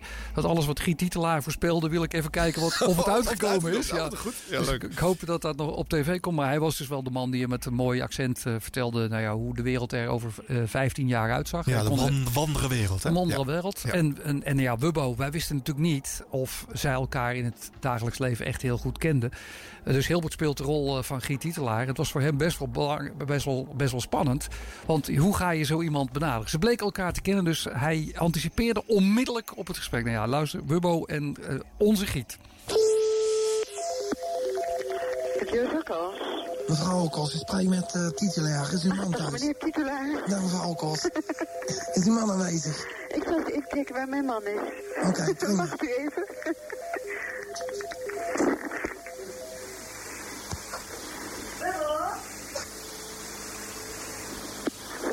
Hallo, Meneer Okos. Met Wubbo. Ja, hallo, u spreekt met de titulair. Ik had een, eh, een vraag aan je. Eh, ik ben benaderd eh, door RTL 4 voor het maken van een wetenschappelijk programma.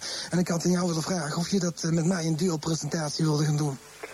Voor, ja, op zich ben ik daar wel open voor. Ja, nou dan lijkt het mij verstandig als we een keer even een datum prikken dat we bij elkaar komen. En eh, daar eens even over verder ik had trouwens wel een fax. Ik kom net vandaag terug. Ik ben een week weg geweest voor een hele belangrijke workshop in Zwitserland. Wat betreft eh, terug naar de maanprogramma. Oh. En daar zit ik nou middenin. En, eh, Maar je hebt er wel tijd voor. eh. maar ik heb jouw fax gezien voor de 16e juli, geloof ik. Ja? En dat kan ik niet. Dan ben ik met vakantie. Oh, dat, nou, dat is, Dat is jammer, ja. dat is erg jammer. Maar wat het andere plan betreft, eh, ik ben deze week ben ik hier. De week erop ben ik weg.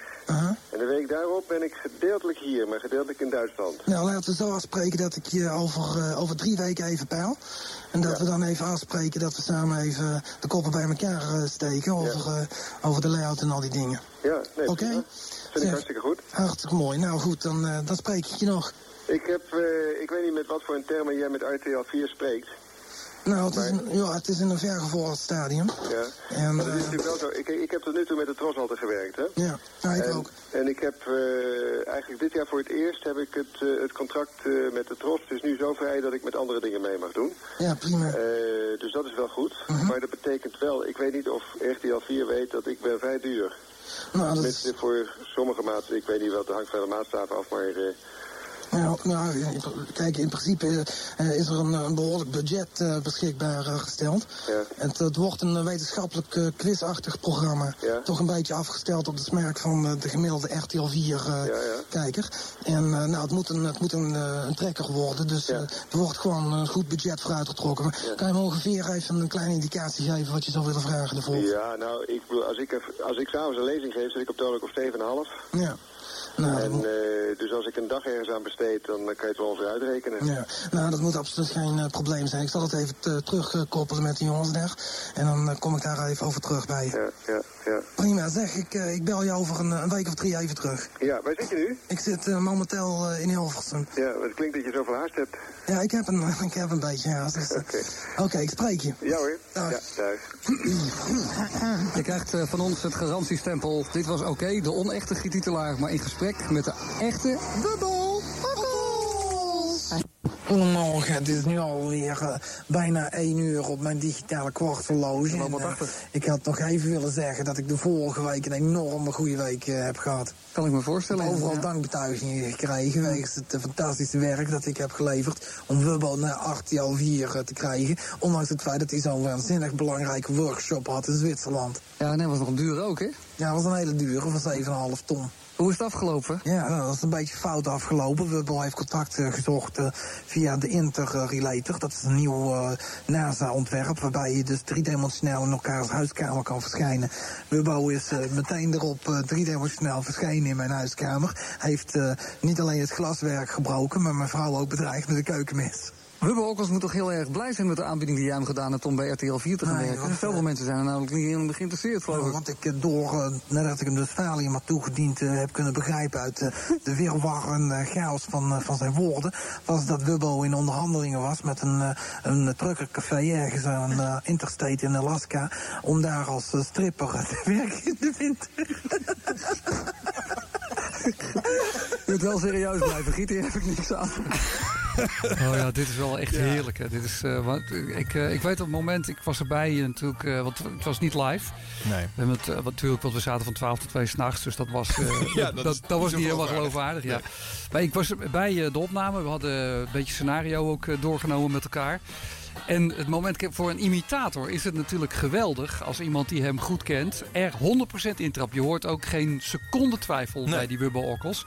Dus op het moment, we staan daar allemaal, ik dus ook, heel gespannen in de studio. Hij staat het gesprek te voeren. En ik denk, ja, dat kan dus elke seconde fout Met, met, gaan. met zijn rug naar jullie toe, denk ik. Ja, ja? want natuurlijk, want Ja. hij denkt, ik moet niet in de bek Nee, van die mensen kunnen kijken. Maar wij, wij stonden daar verbijsterd. Op het moment dus dat dat gesprek ten einde, je hoort Wubbo ook zeggen, je klinkt gehaast. Hij Ja. improviseerde daar goed op Ja. overigens. Ja. We hebben daar echt gewoon alsof wij eh, de, landskampioen geworden waren toen, het, toen de telefoon op ik stond. Ja, ja, ja, ja. En het mooie is natuurlijk, ja, ik vertel dit verhaal eh, er altijd eh, achter, want het is ook echt gebeurd. Ja. Ehm, natuurlijk was eh Wubbo boos, vanzelfsprekend, want die heeft er en verteld wat hij verdiende enzovoort. Maar de echte Giet Titelaar was natuurlijk ook woedend, want die had steeds meer last van ons. Want die kwam overal inmiddels van, ja ja. En dus toen ging hij protesteren bij Veronica. Dus hij ging overal bellen. Hey, doe Stenders de groeten! Ha, ha. Dus uiteindelijk kwam hij ook bij de... Volgens mij was toen de voorzitter van eh, Veronica. was Joop van der Rijden. eh, vooral politicus, maar ook even de baas van, van Veronica. En dus die eh, heeft hij ook gebeld. En ook van der Rijden had... Ja, doe het zeg maar tegen die stender. dat ze, weet je wel, ik geloof hem niet. toen- Ook secretaresses, niemand nam hem serieus. Dus heeft hij uiteindelijk een woedende fax gestuurd. Van eh, ik pik dit niet langer meer. En nou, toen hadden ze uiteindelijk ook wel door eh, dat het toch de echte Giet Titelaar was die protesteerde. en dat niet mijn Giet Titelaar was. Nee. En eh, ja, het werd, dat vond ik wel jammer, want Joop van der Rijden riep altijd... eh, Stender, we hebben nog geen rechtszaak. Het programma voor jou mislukt totaal. Nou, toen de, de, de minste dreiging van een rechtszaak kwam, moesten we stoppen. Dus Ja. ja, ja. Ja, dat was jammer, want Shock Radio was eh, ja, in de naam bestorven om, om, om, om een rechtszaak zo te- te en- maken. Ja, en, en uiteindelijk misschien ook wel... uiteindelijk om, om die reden... Het was overigens niet Giet Titelaar. Het was een ander gesprekje waar uiteindelijk de leiding van bedacht... Ja, nou, dit kan echt niet meer, want Nee. we hebben nu ruzie met het hele land. En ik zocht natuurlijk ook nog de confrontatie met eh, allemaal die Nederlandstalige artiesten. Die liet ik ook weer naar, weet ik veel, ergens in Groningen. Dan hadden ze zogenaamd een optreden. En er er stonden ze daar in Groningen, belden ze een huiskamer aan die wij net van tevoren gebeld hadden. Ze van, het kan zijn dat beroemde artiest Imca Marina zo bij u aanbelt. Ehm, wilt u dan dit nummer bellen? En dan stond die Imca Marina, ja. Dat is een grapje van de radio. Je bent, eh, je, het is geen optreden, je krijgt ook geen geld. Nou ja, dus op een gegeven moment had werkelijk iedereen, iedereen die een beetje in die Nederlandse artiestenwereld zat, een hekel aan me. Ja. En dan moesten ze voor diezelfde omroep eh, twee dagen later weer of Nederland Muziekland doen. Of in een vrolijk ongecompliceerd programma van Van Praag. Ja. En dan kwam ik die mensen ook allemaal tegen. Oh my, my. Moeilijk. Is, de- is dit Rob daar misschien, heeft dat ermee te maken? Luister eens goed.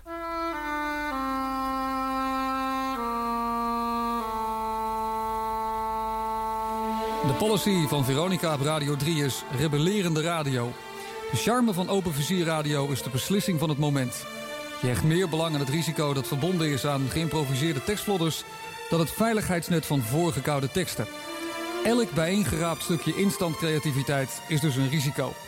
Iets wat voor mij hooguit een cynisch trapje naar de onderkant is... kan voor iemand anders een drastische trap onder de gordel zijn... Vanzelfsprekend hebben wij van Veronica, dus ook ik, nooit de bedoeling gehad om je die trap te geven. Het waren voor mij hooguit tot valse noten in een raar amusementcircus. Voor jullie overschreed het duidelijk de goede smaak en voelt het aan als een keiharde persoonlijke aanval. Als het echt pijn gedaan heeft, dan spijt me dat oprecht.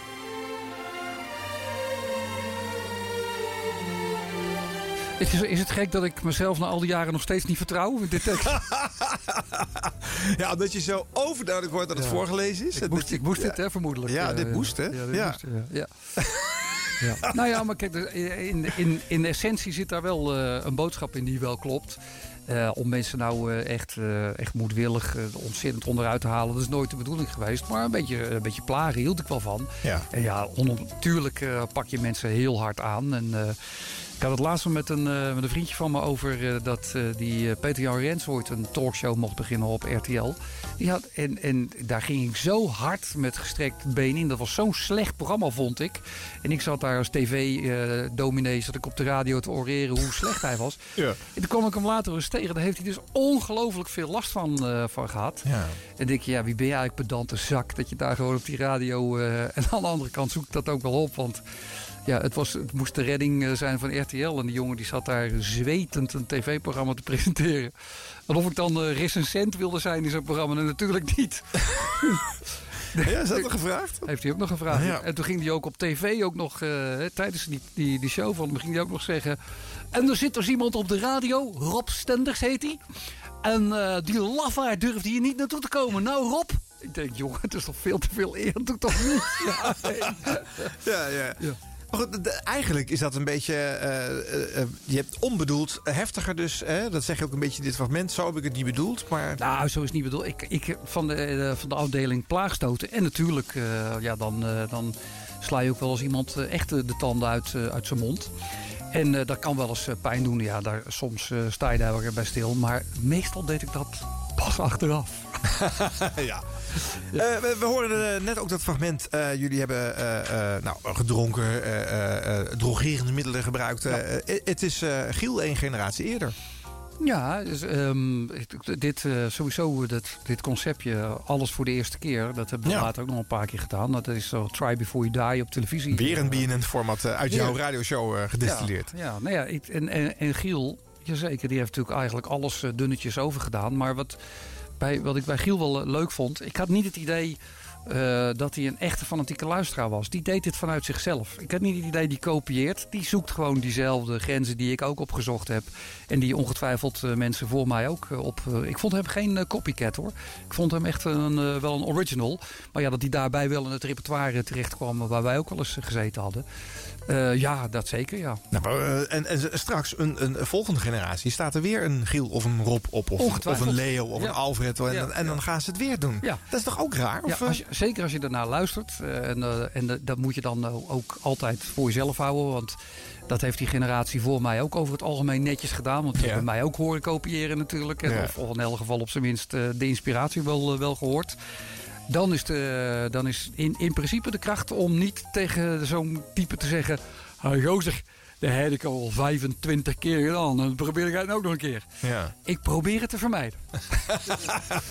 Nou ja, Herman Stok, die we in de allereerste aflevering van deze serie eh, spraken, die zei: ja, je, je kan ook natuurlijk wat leren van het verleden. Je hoeft niet altijd alles weer opnieuw eh, uit te gaan volgen. Maar het hoort er misschien toch ook wel weer een beetje Nou bij. ja, de, de, de, die, die, die, eh, die, die probeert te experimenteren, die probeert andere dingen te doen. Ja, die komt gewoon natuurlijk op die terreinen terecht eh, waar, eh, waar jij ook gezeten hebt en waar mensen voor jou ook weer eh, gezeten hebben. En lopen we natuurlijk tegen de, dezelfde beperkingen aan. En soms zie je dat ook al van tevoren gebeuren. Ja. En denk je van, nou, die gaat deze problemen krijgen, die gaat zus, die gaat dat nog doen en die gaat die omweg maken. En ja, dan blijft toch eh, in principe het sterkst als je dat niet zegt. wel een beetje helpt, maar niet zegt. Ja, want jij bent wel, jij vindt ook coachen en zo wel leuk. Hè? Dus eh, Vind ik ook leuk, ja, ja. nieuwe generatie op weg helpen, dat, dat ligt ook wel op de loer. Maar dan, dan moet je dus deze eh, restrictie erin bouwen. Probeer ik ook wel. Probeer ik ook wel. Nou goed. Eh, Shock Radio moest toen stoppen, werd Outlaw Radio de uitgeklede variant daarvan. Eh, ja, weet je, eh, we zijn voor de live luisteraars, het is inmiddels half tien. Eh, DJ Reds is gewoon in het huis hoor. En hij wil ook best wel beginnen, maar wij lopen nee. een beetje uit. Het hoort een beetje bij Ik shows. wilde eh, net zeggen, ik, ik doe dat dus nooit. Hè, dus Nee, natuurlijk niet. Laten we dan maar afspreken dat we om tien uur echt stoppen. Dan nog een laatste muzikale Red, vertier. maar die komt uit... ja? Oh, oké. Hij- Zelfs vanuit de, keuken weet hij dat. Nog een, stokje, een stukje shock, maar dan met de speakersluts erin. En we nog nog wat muzikaal vertier ook in Oh de show.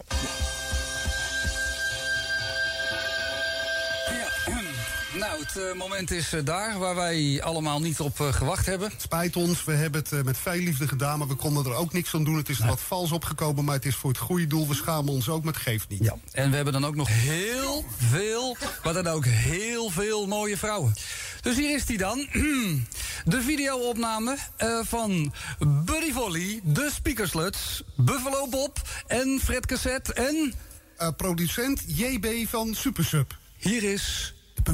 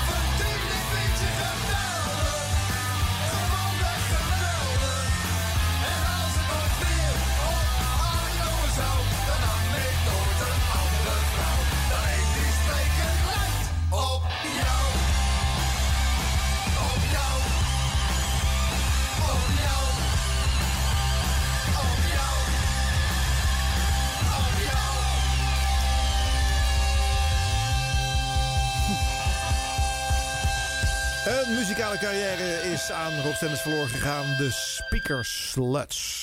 Wat was het verhaal achter eh, dit ding ook alweer, eh, Rob? Ik heb geen idee. Waarom is dit gebeurd überhaupt? Ik weet het Of echt het was niet gewoon meer. een radio-item. eh. Ja, ik eh, probeer het even terug te halen, maar ik weet niet meer waarom wij besloten dit te doen. Maar het zal ongetwijfeld, zoals het eh, vaak ging, ook met het, eh, het, het, eh, het homogeen huwelijk eh, met mijn eh, geliefde vriend eh, Fred Siebelink. Ja. Die dingen ontstonden ergens tijdens een of andere stom eh, gesprekje. En nou ja, voor je het wist eh, hadden we het dan ook. Ja. En zo was dit eh, ineens schöne maait en erger. Ja. Op zender zal dat gesprek hebben plaatsgevonden. hè? Want jij wil altijd dat het hele verhaal moet op zender gebeuren. Hè? Ja. Dus het ontstaan, het bij elkaar zoeken van muzikanten... zal ongetwijfeld tot uh, Ja. wekenlange radio geleid dat hebben. zal wel soapie geweest Voordat dit eh, resultaat er was. eh, ja. Eén dingetje stip ik nog even aan uit jouw periode eh, van, van de 90s. eh, eh, de muziek. Ja. Daar zat jij nogal mee in je maag in, Klopt in die ja. periode. Ja, ja. Ehm, er was ehm, heel veel goede muziek. Alleen ehm, je, als je mainstream radio probeerde te maken, dan ging het niet meer. Eh, voor mij dan, hè, voor mij persoonlijk. Want eh, daar kwam een naar Eurohouse. Je had eh, en die, die krankzinnige Middle of the Road, waar ik echt nooit van gehouden heb. Dus de Whitney Houston, eh, Mariah Carey, Celine Dion, weet je. En Marco Borsato kwam op met die verschrikkelijke muziek allemaal van hem. Ja. En dan had je aan de andere kant had je die, eh, die, die, die eh, oens, oens, oens, oens, oens, oens, onzin, onzin, onzin, onzin, onzin. Kijk er, onzin, onzin, onzin, onzin, onzin. Ja. En je kreeg covers eh, van allemaal eh, beroemde popklassiekers die ook eh, zo eh vermengd Vergabberd werden, ja. ja, ik kon er helemaal niks mee. Dus ik heb inderdaad eh, ergens in de 90s wel gedacht... ik ben gewoon veel te oud voor hitradio. En daarom bleef ik tot mijn vijftigste. Nee, want uiteindelijk Ja, kwam het goed. recht. Ja, ja, ja, ja. De, de 90s waren muzikaal eh, van uitersten. En eh, eh, er werden nog singeltjes verkocht. Dus hipparades eh, waren ook gewoon gebaseerd op verkopen. Ja. Dus die stromingen die kwamen daar bovendrijven. Want Ja. de tieners vonden dat kennelijk leuk. in ja, die en, tijd. kijk, als, je zo, als ik eh, gewend was om eh, een soort sandwich-formule... Dus, dus je zorgt ook dat je gewoon hitjes draait. eh, En eh, nou, er zijn best wel veel niet vervelende hitjes om eh, te draaien... die je dan misschien niet mee naar huis neemt om ze daar te liefkozen... maar die prima zijn voor de radio. Ja. Ik vond ze niet meer in de top 40. Ik kon er echt gewoon, ik kon er helemaal niks meer mee. En nog steeds, als ik een eh, hitparade uit die periode bekijk... eh, dan ik klap weer dicht. Nou, laten we eens een stukje luisteren van, eh, van zo'n hipparade. 1994, het, het jaaroverzicht mag jij presenteren. Van de, Oh, de Mega Top serieus? 50. Ja, zeker. Het is weer zaterdag. Now.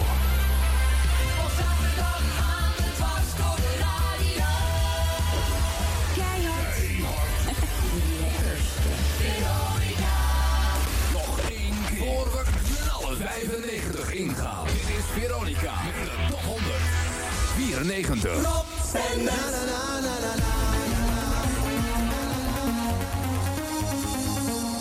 Ik heb de, heer, eh, de eer om de helft van het repertoire te mogen draaien van Capella. Op 62 stonden zij met Move It. Kwam tot nummer 8 in de Megatop 50. In het totaaloverzicht dus op nummer 62. Met eh, Veronica. Hallo, met Antje. Hey Antje, Hi. kaasmeisje. Ehm, ja, volgens mij moeten we de snipperhit met elkaar doornemen. Eh, ik zal je vertellen wat er tegenover staat. Want dat willen Nederlanders natuurlijk altijd weten. Snap ik wel.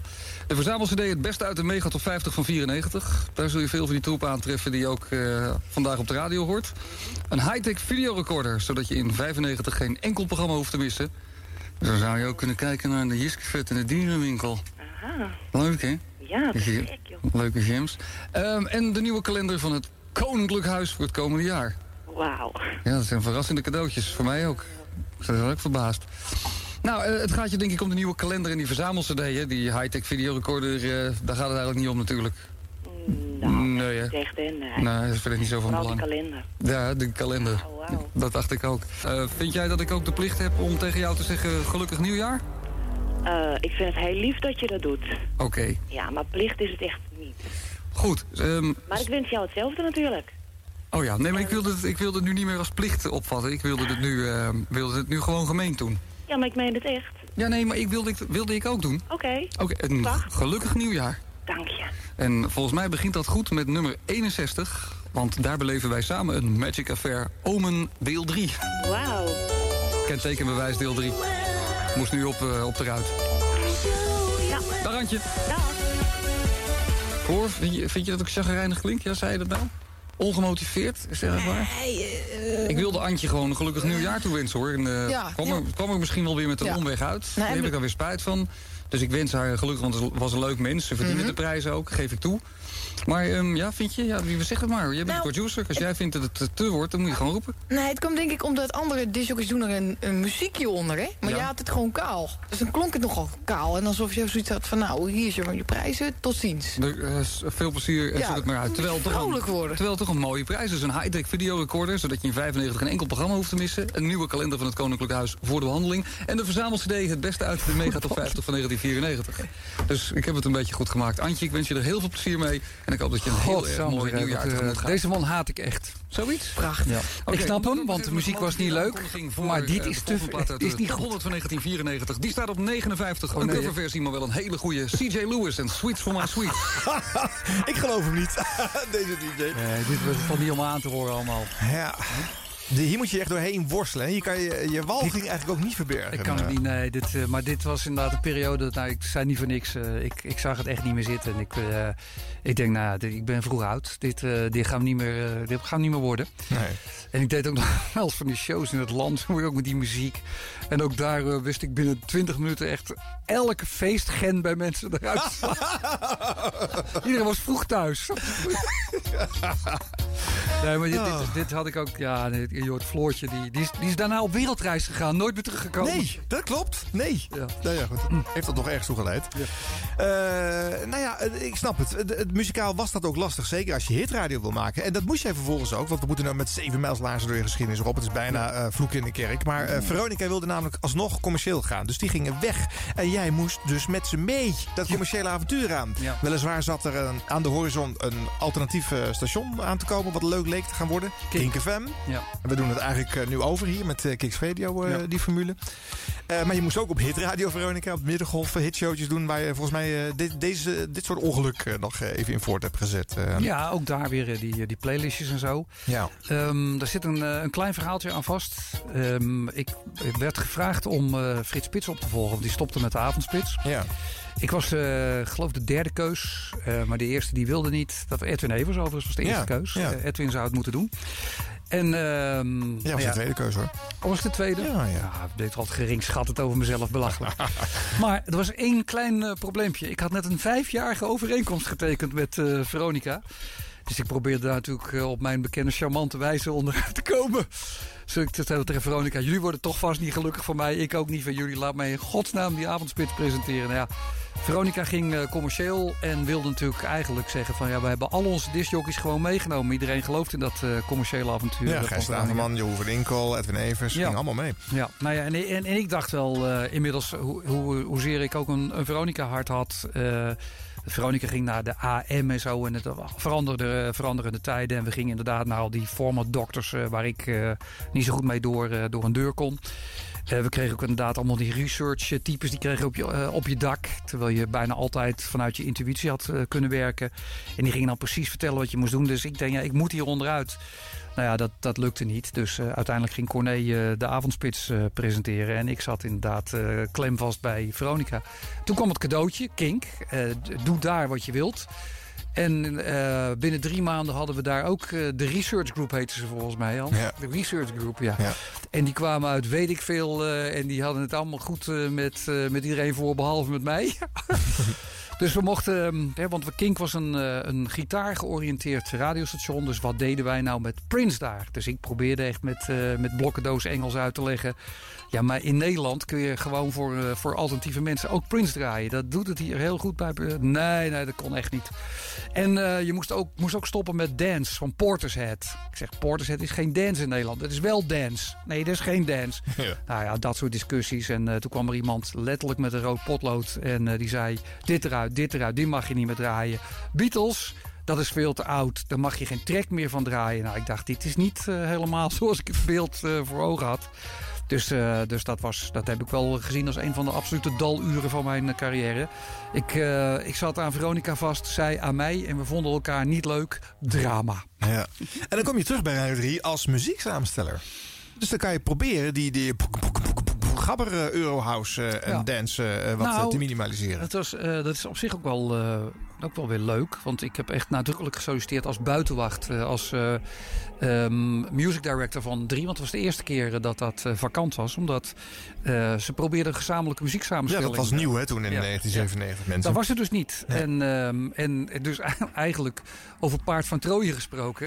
ik ging dus iets doen waar ik van dacht... dat zouden andere mensen bij mij niet moeten doen. Dus kan ik het beter zelf doen. Weet je Ja. wel? Dan zitten, ja. Ja.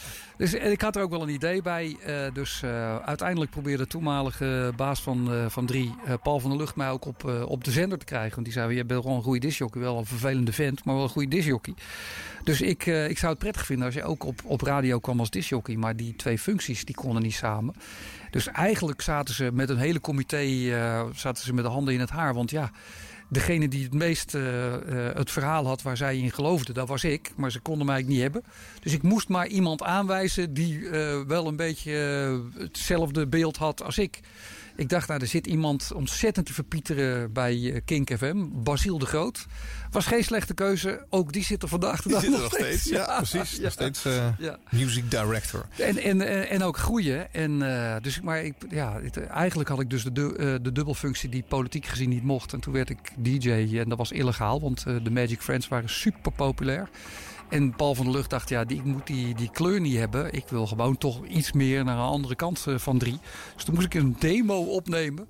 Nou, die deed ik ongeveer zoals jij net die top 100 van mij hoorde. Zo, zo geïnspireerd en geïnteresseerd. Ja. Ja, dus want ik wilde gewoon, ik wilde die music director wel zijn. Ik dacht dat DJ, dat geloof ik wel. Eh, laat die, die, eh, die Magic Friends daar, eh, die zijn populair. En eh, toch heeft Paul eh, allerlei krankzinnige wegen gevonden waarom dan bij eh, be- een bepaalde doelgroep die drie wilde met bril dragen, min drie, plus vijf, moeilijk haar en wel eens op festivals kwamen, die vonden mij toch echt beter. Ja. Dus uiteindelijk heeft hij me via een omweg toch op drie geluld. En daar heb ik dan die twee, vier gedaan met uiteindelijk buitengewoon veel plezier. Ja. En Basiel, die zat toch in mijn, eh, in die- eh, die- mijn beleid. Dus ik heb daar ook qua muziek nooit moeilijkheden mee gehad. Nee, Ging, nee. Wij gingen heel goed. Ja, nee, en dan heb jij inderdaad een grote rol. eh, ook achter de schermen, dus ook op muziekgebied. Maar je, je souffleert ook Paul van der Lucht nog wel eens. hè, zo is Edwin Evers ook naar, naar, naar Radio 3FM gekomen. Nou, dat is een rijke tijd, Ja, eind jaren je, 90. noemt, je noemt het souffleren, maar het was gewoon met Malkander. Ja. Het is best wel leuk, omdat toen was eh drie best, hè, nog wel echt een politiek bolwerk. Tegenwoordig kunnen zendermanagers redelijk autonoom, moeten natuurlijk nog wel net doen alsof ze omroepen. eh, ja, nee. Ook horen. Ja, ook horen. Maar beslis het gewoon zelf. Ja. Maar toen moesten ze echt eh, door, een, nou ja, door, door een politieke muur heen. En daar was Paul ontzettend goed in. Dus als wij verzonnen dat we Edwin Evers heel graag wilden hebben... eh, dan kon Paul dat wel weer verkopen. Want die moest toen populaire Breakfast Club ook nog om zeep helpen. Dus, die, eh, dus hij kijkt nog altijd uit als hij bij die mensen in de buurt eh, loopt. Ehm, maar ja, dus dat was best wel leuk. Want dan. en en ik, ik hoorde dat Edwin ontzettend verdrietig was bij Veronica. Hij was eerst heel loyaal aan Veronica. Tot Robert Jensen daar de baas werd. En Robert riep tegen Edwin: Ik vind het een legendarische fout. Ja. Dit is een mooie radiofout. Die zei van ja, dat Edwin Evers, dat is gedateerd. Met die typetjes, dat doe je niet meer. En hij moet ook onmiddellijk eh, uit de ochtend, want we hebben een betere DJ, namelijk ik. nou ja, je moet het allemaal maar durven. Robert, die durfde dat. Ja. En dat was het moment eh, waarop Edwin, eh, ik had al vijf keer gezegd, joh, kom nou naar drie man. Het is bij ons echt veel leuker en vrijer en je hebt dat gezeik allemaal niet. En dat was een moment, eh, ik weet nog dat ik echt meegegaan ben naar een drive-in show waar hij naartoe ging. Ik denk, ik moet hem omlullen om nu hem bij drieën te krijgen. Nou ja, Paul deed eh, inderdaad het hele politieke veldwerk. En voor je het wist hadden wij eh, Edwin Evers op eh, drie. Ik was zo trots als wat eh, dat hij er zat bij ons. eh. Ja. En wat je daar zegt eh, in een bijzin is ook eh, een, een groot kernverschil. Het was inmiddels ook leuk om bij drie te werken. Ja, dat Hè, dat. Dat, Ja. dat ingewikkelde van wat we eerder beschreven in die varentijd... eh, Ja. dat is dan een beetje weg aan het raken. En het wordt nou ja, meer, meer gelijkgestemden en ook meer lol op de vloer.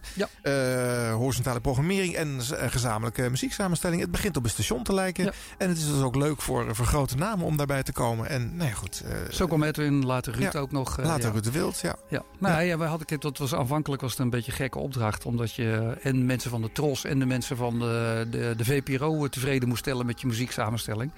Dus wat wij bedacht hadden, dat vond ik natuurlijk ook heel belangrijk, ook bij, eh, bij 3FM. De DJ mag nooit zijn stem verliezen.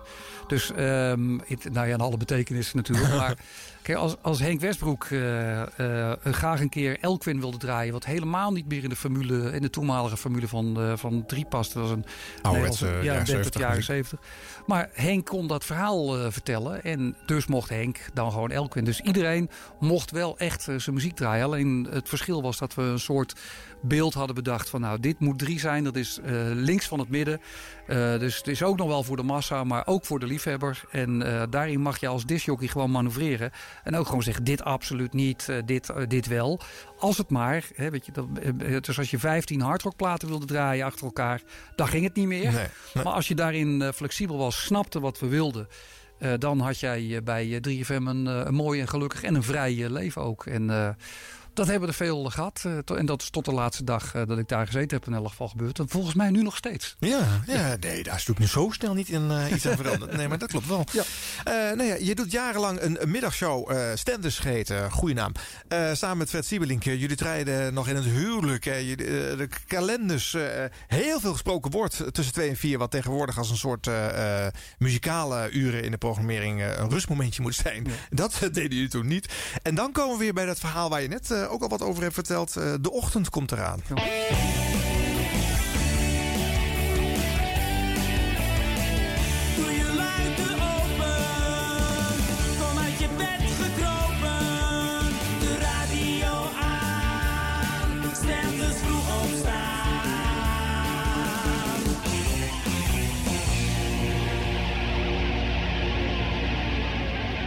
Eh, volgens mij werkt het het best om gewoon een stukje te luisteren van de eerste aflevering. Oh, dat zegt genoeg. Altijd de eerste. Eerste. Eerste. Remix. Met nieuwe muziek. 3FM. Goedemorgen, Patrick Goedemorgen. Goedemorgen, Fred Siebeling. Goedemorgen, Rob Stenders. Goedemorgen, Bart zonder achternaam springen het veld. Hey, goedemorgen, meneer Stenders. Zijn we er een soort van klaar voor? Een soort van wel. Want dit is onze eerste ochtendshow en ik heb nog steeds niet het gevoel dat het echt een programma voor mij is. Ik heb het gevoel dat ik aan het invallen ben. Steek je kop onder water, voordat je dit weet is het zo een uur later. Met de frisse kop staat Stenders vroeg op, begin je dag zonder kater. Nou, dat zullen we dan maar proberen. Eh, elke dag in elk geval rond 6 uur. Een toepasselijke plaats vind ik. Dat hebben wij voorlopig nog wel nodig. Dat zal elke ochtend disjockey wel gedaan hebben. Maar dat heb ik nooit gehoord. Ik stond nooit zo vroeg op. dat weet ik niet. Maar het lijkt me goed als we dat een beetje op uh, tourbeurt doen. Dus een plaat die iets te maken heeft met erg vroeg opstaan. Zal ik vandaag zelf maar een slechte voorbeeld geven? Geef ik jou meteen de beurt morgen, Fred? Wil je er morgen eentje meenemen? Prima. Oké. Nou, vandaag natuurlijk de Bo Radleys. Met een erg optimistisch liedje en zo hoort het ook. Wake up, it's a beautiful morning. Van Dick Hout en de Dromendief. Ja, daar zat al een kleine breuk in mijn stem, hoorde je hem al? Ja. Ik heb er echt eh, vanmorgen in de auto zitten schreeuwen. En zo van... Zodat ik niet met een kraak in mijn stem zou zitten. Het was ook jouw zorg, Fred, de kraak in de stem. Ja, wij kraken allebei een beetje. En zolang Ah. dat maar niet gebeurt in eh, monumentenzorgpanden, dan komt het wel goed.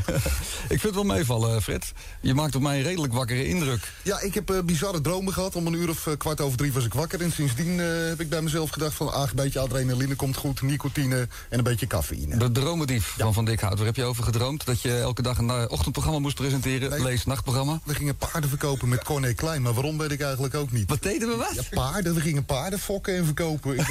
Een soort ontsnappingsclausule van mijn hersenen. Ik, ik heb geen idee waarom. Echt. Er zal ongetwijfeld een eh, diepere betekenis achter zitten, eh, vermoed ik. Eh, voor de rest, Fred, is het natuurlijk ook eh, uitermate van belang... dat we elkaar wakker blijven bellen elke dag. Ik heb jou eh, vandaag wakker gebeld. Wil je mij morgen wakker bellen? Want ik ben op mijn beurt om weer wakker gebeld door Patrick. Patrick, goedemorgen trouwens. Goedemorgen. Ja, ik vind dat we hier wel een ander systeem voor moeten verzinnen. Want dit, dit gaat weer verwarring scheppen. Hoezo? Beter kunnen we gewoon kiezen dat eh, één vast persoon iemand anders wakker belt. Anders gaat het niet werken. Nee, je moet een beetje patroon inkomen. Hè? Ja. Ja, jij hebt eh, dit eerlijke werk al eens eerder gehad. Je hebt eh, bij de Tros eh, destijds de Havenmout Show gedaan. Weliswaar één keer per week, van 6 tot 9. Ja. Maar jij weet ongeveer wat dit inhoudt, een ochtendprogramma. Het is zwaar. Het is heel zwaar. Dankjewel. Ik, ik hoorde jou net over dat, dat wakker schreeuwen. Ehm, het schijnt beter te zijn als je jezelf wakker zingt.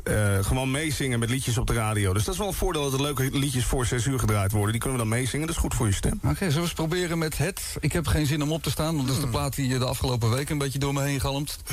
1, 2, 3. Ik heb geen zin om op te staan. Ik heb geen zin, ik heb geen zin om naar mijn werk te gaan. Nou, jullie zijn er klaar voor, eh, dat hoor je wel. Zo zeg. Ja, wat een drama. Maar ook, eh, nou, het, het- het- ook hier ben ik eh, door eh, een luisteraar op, een, op het goede spoor gezet. Ik eh, ging toen altijd eh, een hapje eten bij de Gooise herberg. en daar kwam ik een, eh, een, een, een trucker tegen. En die, die riep, ja, jij, bent, jij bent toch op Stenders? Ja. Hij zei, man, ik luister al jaren naar je. Ik vind je een goede disjockey. Maar je moet ophouden met gezeik 's ochtends. eh, want eh, jij draait op een plaatjes. Je lult een beetje stom. En eh, dat is leuk hoor, daar gaat het niet om. Maar dan ben, ik al, eh, dan, ben ik al, dan ben ik al zes uur aan de gang, weet je wel. En dan kom jij een beetje, oh, ik heb het zo zwaar. En je mag om negen uur naar huis, toch? Eh, ja. Ja. maar je kunt horen, we hadden ontzettend met onszelf te doen. Ja. Wat, wa- wat hadden we toch zwaar werken. Ja. ja, nou ja, dat, maar dat moet je, ja. Dat, dat, Het is misschien iets te eerlijk geweest wat hier allemaal eh, gezegd werd. Eh, Ja. Je hoeft ook niet altijd mooi weer te spelen op de radio. Sterker nog, ik Ja. vind het wel leuk. Er is ook wat andere emoties dan alleen maar eh, blijheid Ik kan me wel voorstellen als je inderdaad al, al jaren dus deze kant van de klok ziet. En je, je, je hebt echt nuttig werk ook. En je hoort die gast op die radio, zeker de eerste paar weken, elke dag. Oh, zwaar hè? Ja. Zo, wat, eh, wat hebben wij het zwaar. eh, En een ja. week hiervoor zat Edwin Evers nog eh, vrolijk en alert te doen natuurlijk op diezelfde Ja. plek. Hè? Ongelooflijk. En toch is het uiteindelijk gelukt. Ja, omdat om, nou, ja, je, je leert er gewoon al, aldoende. En nogmaals, de- ik had het al eerder over de, de goede tip die Wim Richter gaf. Van Ja. een ochtendshow is van vandaag. En niet van morgen of over twee weken, maar echt van vandaag. Nou ja, dan leer je ook eh, wat, wat een beetje het ochtendritme is. En je leert de mensen een beetje kennen. En het programma werd leuker. Ja. En ik kreeg ook een beetje een idee van wat ik ermee wilde. En eh, nou, ik had het, eh, behalve het moment dat de wekker ging, had ik het voor de rest naar mijn zin. Dat duurde even, maar toen het dan eenmaal zover was, wilde ik er ook niet meer van af. En dat was het moment dat Ruud de Wild kwam. en zei, nou die loser die dan Edwin Evers moet opvolgen, daar was jij. En nou is het mooi geweest, nou, komt, nou, nou, nou kom ik. Ja. Nou, dat was een beetje jammer, want toen ging het programma net eh, voor het eerst goed. Maar ze hadden ze een nieuwe baas eh, bij eh, drie en die vond het ook wel, wel interessant. Maar toen deden ze een onderzoekje, dus dat heeft mij toen de eerste keer gered. Onderzoekje bleek dat mensen dat programma van Ruud middags heel leuk vonden. Vond ik trouwens ook. Maar eh, die, die, die ellende ochtends ook. Dus toen zei de toenmalige radiobaas, het is toch geen reden om het te veranderen. Nou, dus dat heeft me nog wel even gered. Maar toen Florent inderdaad kwam, die riep, oké, we gaan het anders doen. Ja. Hoi Robbie, houdoe. En eh krijg nog wel een goede zendtijd, dan ik weer een goede discjockey. En nou, toen had eh, dan Ruud toch alsnog zijn ochtendprogramma. En toen ben ik inderdaad maar gevlucht. eh, overigens ook voor de Poen hoor. Even voor de duidelijkheid, zeker ook voor de Poen. Ja. Ben ik gevlucht naar de commercie. Ja, Jorin FM werd het vervolgens. En dat was eh, even wereldnieuws in Nederland, hè? Goedenavond, het is 6 uur. Martijn van Beek. Giel Belen blijft en Rob Stenders vertrekt bij 3FM. Stenders gaat naar Jorin FM. In september stapt hij over naar de commerciële omroep... waar hij ook de ochtendshow gaat doen. Zijn ochtendshow hier op 3FM wordt overgenomen door Giel Belen. Er waren geruchten dat die ook zou vertrekken... maar tot grote opluchting van zendercoördinator Florent Luiks blijft hij. Giel is iemand die zijn start kende bij 3FM. Zich de afgelopen jaren hier heeft ontwikkeld. Giel is 3FM. De overstap van Stenders naar Jorin FM is de tweede grote DJ-transfer in korte tijd. Twee weken geleden maakte Ruud de Wild zijn overstap bekend naar Radio 538.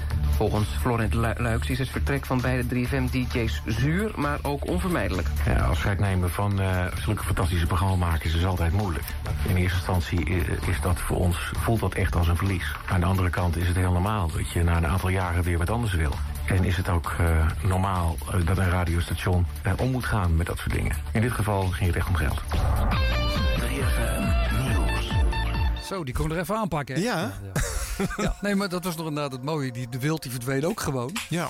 En eh, nou, wat ik zelf heel eh, grappig eh, vond, ehm, van, even in het nieuws zijn. Je hebt gewoon bepaalde nieuwsbronnen die je van nature gelooft. Hè, omdat je ze, weet ik veel, van jongs af aan hebt. Maar zij gingen allemaal een ander bedrag noemen. Hè, dus of het nou inderdaad een Volkskrant was of het journaal. Rob Stenders eiste 8 ton van de publieke omroep. Anders, nou ja, en je hoorde allemaal krankzinnige bedragen... maar die in hele respectabele media stonden. Dus vanaf dat moment dacht ik... weet ik niet of ik ze altijd moet geloven... als ik het eh, in andere gevallen lees. Want eh, daar klopt er vaak helemaal niks van. En dat was niet, eh, dat was niet roddelpers dit, weet je. Dus dat vond ik, dat vond ik wel opvallend. Die discussies die gingen over mijn bedragen... het was gewoon niet waar. Niemand had het bij het eh, juiste eind. Niemand. Nee. Nee, helemaal niemand. Zo'n beetje ontluisterend eigenlijk, als je dat eh, Ja. op die manier doorkrijgt. Ja, ik, eh, ik, ik, ik geldt las- voor veel nieuws dit hoor. Ja, want, Ja. want ik las, eh, het was, het was een enorme ellende ministerie van Binnenlandse Zaken. Twee weken later en er werden ook allerlei bedragen en speculaties. En ik dacht, ik geloof het niet meer, want ik, ik heb het bij mijzelf ook zien misgaan. For once and for all, wat was het nou echt? 450.000 euro. Ja. Niemand heeft het je letterlijk gevraagd dus ook, ken ik in die tijd. Of, of had je bedacht, ik ga het niet zeggen? Dat laatste. Oké. Ja. Eh, maar goed, zo zijn we het cirkeltje weer rond. Want eh, toen kwam het avontuur in FM. En uiteindelijk in 2007 kwam je weer terug op de zender. En dan je- zijn we bij het En, jaar... en Reds dan? Ja, Reds gaat, eh, eh, gaat gewoon programmeren. Na het nieuws, eh, verlaten nieuws. iets verla- verlaten nieuws van 8 uur en 9 uur en 10 uur. Ja. ik, ik was al wel arrogant dat ik tegen die Jorin-collega's riep... eh, je, je merkt wel wanneer ik uitgeluld ben, dan mag jij. Maar ja, hij is nog veel erger. Ja. Ja, maar dat klopt, dat deed jij bij Jorin ook. Hè? Zeker, Je had ja, ja, ja. een flexibele eindtijd Ja. altijd met de ochtendshow. Maar goed, eh, eh, dan komen we weer in 2007. Het jaar wat eh, vandaag heel erg centraal heeft gestaan in deze uitzending. Met heel veel unieke Ja, hij is aan het afronden, ja, het, ja, er komt, komt er echt aan, Reds. Het gaat gebeuren. Dus het, ja, het was soms even in zeven mijlslaars erop. Maar eh, het, het kon niet anders. Je hebt zo'n ontzettende hoeveelheid programma's gemaakt. Zoveel verschillende dingen gezien en meegemaakt. Een totaal ander station achtergelaten. nog deze zomer in 2015 dan wat je aantrof. Hoeveel beter is eh, 3FM geworden? Ja, he- heel veel beter. Ja, nou ja, ja. eh, eh, en, en ook weer niet. Want eh, één ding mis je natuurlijk wel. Dat is de, de grote diversiteit waar jij en ik altijd zo gek op waren. De grote personalities. en en, en ja, je, je kon met 150 man. Maar daardoor werd het wel een onoverzichtelijke, soms lelijke zender. Maar je kon wel helemaal je gang gaan. Maar het is basically echt een veel en veel en veel betere zender geworden. Zouden we nog iets van dat oude 3FM, eh, dat Radio 3, van die muzikale eh, variëteit terug kunnen krijgen? In, in dit huidige format? Kicks Radio, meneer. Kicks Radio. Rob Stenders, dames en heren. Nou, en dan eindigen we met een eh, knaller uit 2007. De nummer 1 bij de VPRO eh Song van het jaar. De Editors. Tot volgende rondje. So your eyes can't see. Now run as fast as you can through this field of dreams.